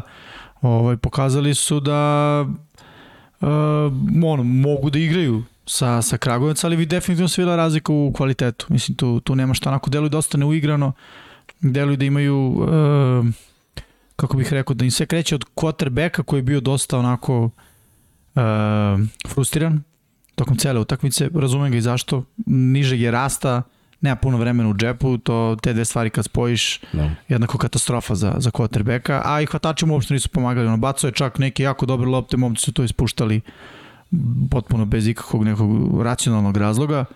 Uh, kažem, deluju neuigrano, Uh, ne znam šta bi mogo tačno da, da bude razlog. Takođe pratim na društvenim mrežama i da imaju gomilu nekih stranih igrača, mislim da je to isto nepotrebno, jer e, cilj je da razvijaš svoje igrače, da se osnoveš na, na, na, na njih.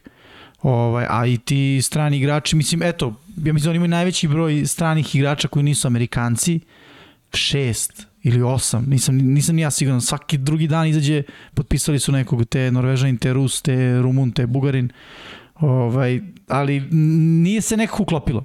Po meni to, ja kada pogledam našu ekipu i Vukove godinama unazad, što više ljudi sa različitih strana, uglavnom su jednako problemi, a ne rešenje. No. Tako da, eto, moj neki utisak, duše gledao sam samo jedan taj meč, nezahvalno je za njih, u smislu igrali su protiv Kragujevca koji je ono ovaj kontender definitivno, mislim, ekipa koja se koja uvek pretenduje na šampionsku titulu, tako da nije bilo lako, ali ovaj kažem, vidim dosta dosta problema, trčanje je jako slabo funkcioniše, teško se osvajaju jardi, jedino što je mogao prođe bio neki pas, a kažem, tu su delove prilično neuigrano i onako nesigurno. Da. Sjajan scout. Da, pa bravo, bravo. Zato smo išli. Bravo. Pa, Ima tu još par stvari koje nisam rekao. to čuvam. Specijalno izdanje. Treba pošalješ CV, brate, na neki, za neki college, neki D1 za početak, realno. Jok ima posao od. Da, što, što Šulja govori u ostalo. Da. evo, to, da. kad smo ko Šulje, Melvin Gordon u Ravensima imali smisla. Ja mislim, evo mogu ja kažem, moje mišljenje da Ravensi imaju toliko frku da li će svi da ostanu čitavi na poziciji running backa i da je sad ovo već povuci potegni.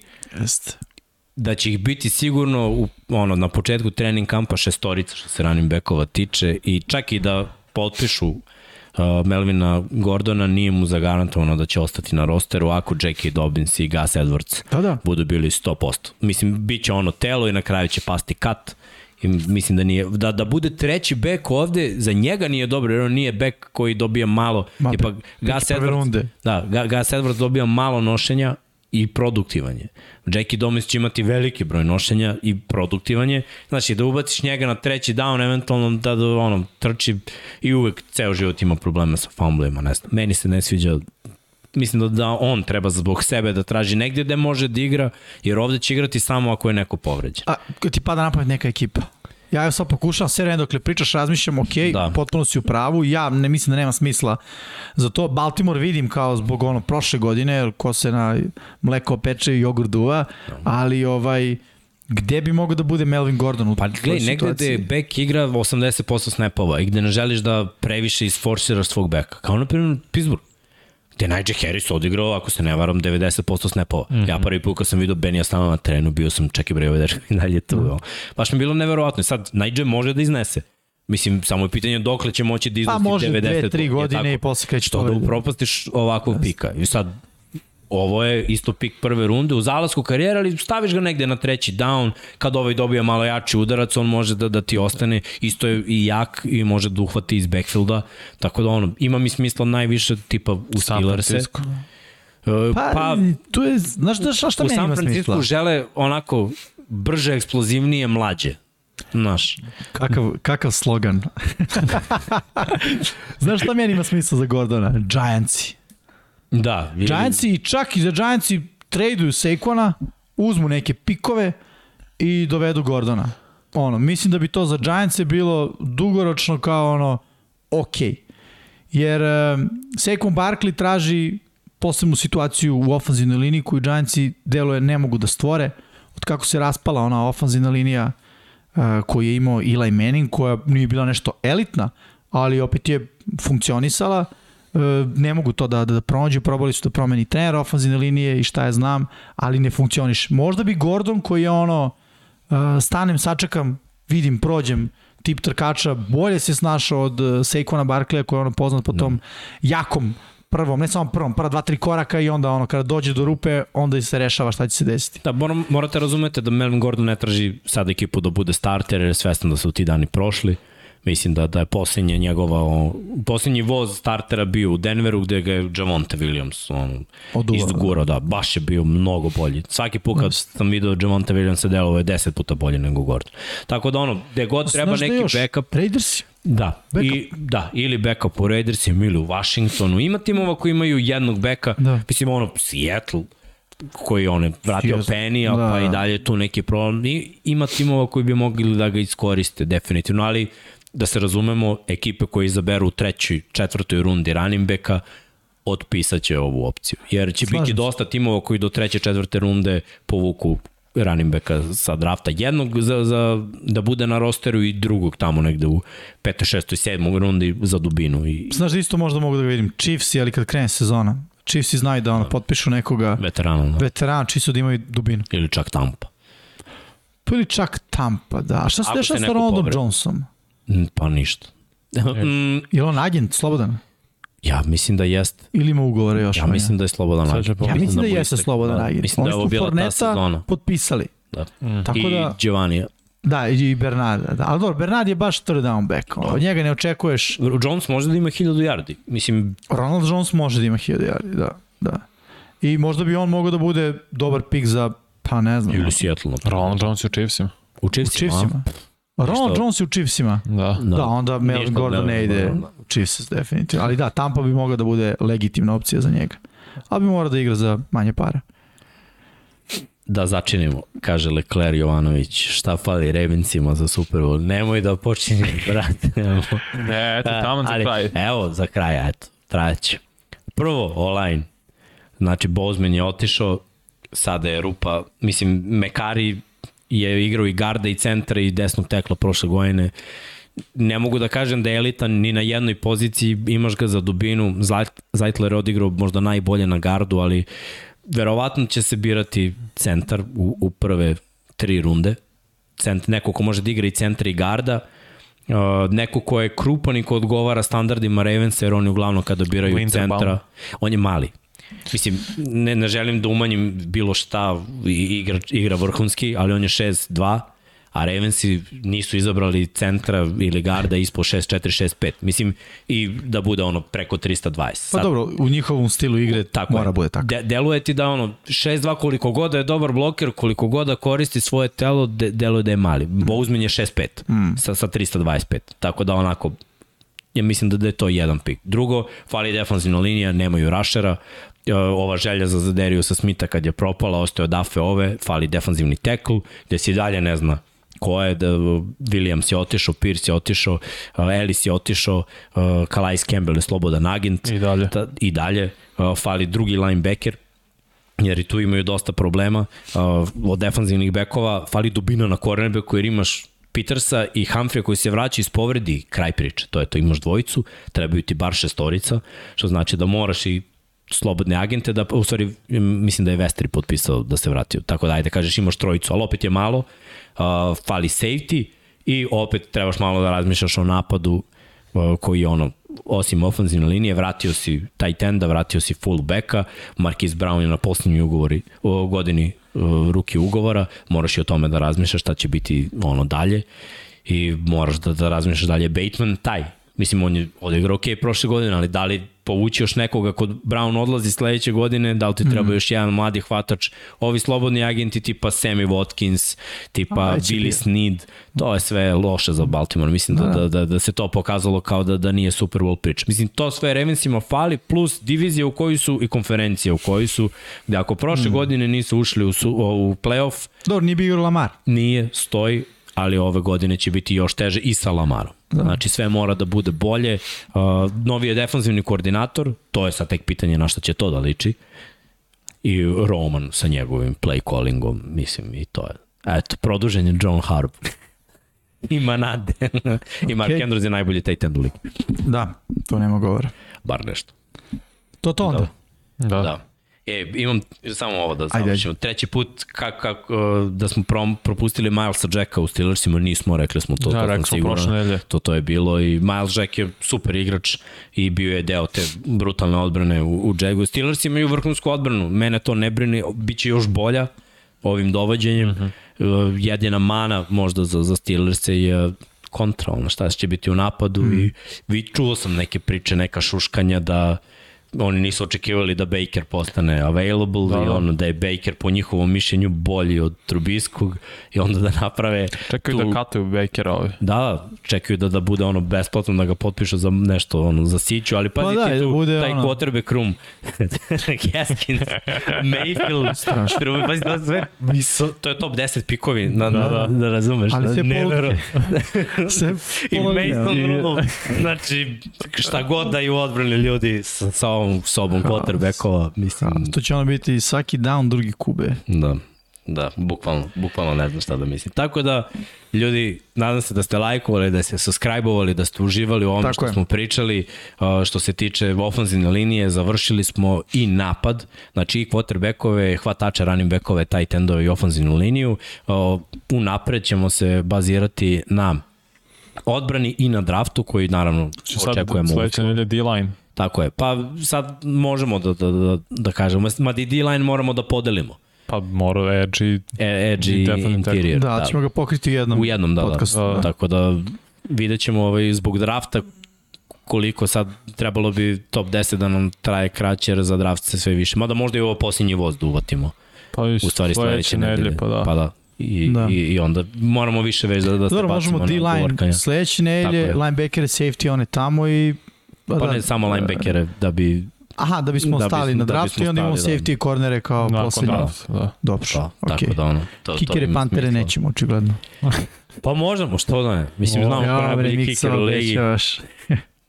Najbolji kiker u ligi posle 65 yardi mora da bude taker. 66. 66.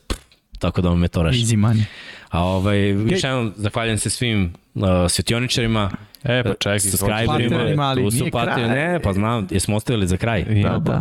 Jesi napravio video? Yes. Kako si ozbiljan? Vidi, kritika prošle nedelje i urodila plodom. Sve je uradio. Kritika. Samo je stavio dva ista ova, za teklove, ali dobro, desi. Da, Ko radi, da, taj i greši. Tako. Nemojte nam uzeti ovaj, na odmeti. Do sledećeg petka uživajte veliki pozdrav iz Infinity Lighthouse studija. Poseban pozdrav za naše pokrovitelje na Patreonu, patreon.com kroz Infinity Lighthouse, a naši pokrovitelji su Sava, Toni Ruščić, Ruščić, Mario Vidović, Ivan Toškov, Stefan Dulić, Marko Bogovac, Ozren Prpić, Marko Mostarac, Nikola Grujičić, Aleksa Vuče, Zolta Mezej, Zoran Šalamun, Miloš Banduka, Laslo Boroš, Đorđe Radović, Ivan Simeunović, Mihajlo Krgović, Grgo Živaljić, Nikola Božinović, Monika Erceg, Omer Kovačević, Filip Banovački, Miroslav Vučinić, Predrag Simić, Žorž, Stefan Vidić, Mlađan Antić, Jelena Mak, Mladen Krstić, Marko Ćurčić, Milan Nešković, Ivan Maksimović, Bojan Mijat, Mijatović, Petar Elić, Stefan Prijović, Nenad Simić, Luka Savović, Andrej Božo, Boris Gvozden, Boris Golubar, Zorana Vidić, Luka Manitašević, Ljubo Đurović, Borko Božunović, Đorđe Andrić, Aleksandar Gošić, Mirjana Živković, Nemanja Miloradović, Miloš Vuletić, Vukašin Vučenović, Zoran Cimesa, Miroslav Cvetić, Marina Mihajlović, Veselin Vukićević, Jelena Jeremić, Antonio Novak, Stefan Milošević, Nikola Stojanović, Jasenko Samarđić, Mihovil Stamičar, Stefan Nedeljković, Zora Majdov, Josip Kovačić, Lazar Pejević, Benjamin A, Nemanja Jeremić, da žena ne sazna, Boris Kunđić, Tijena Vidanović, Stefan Ličina,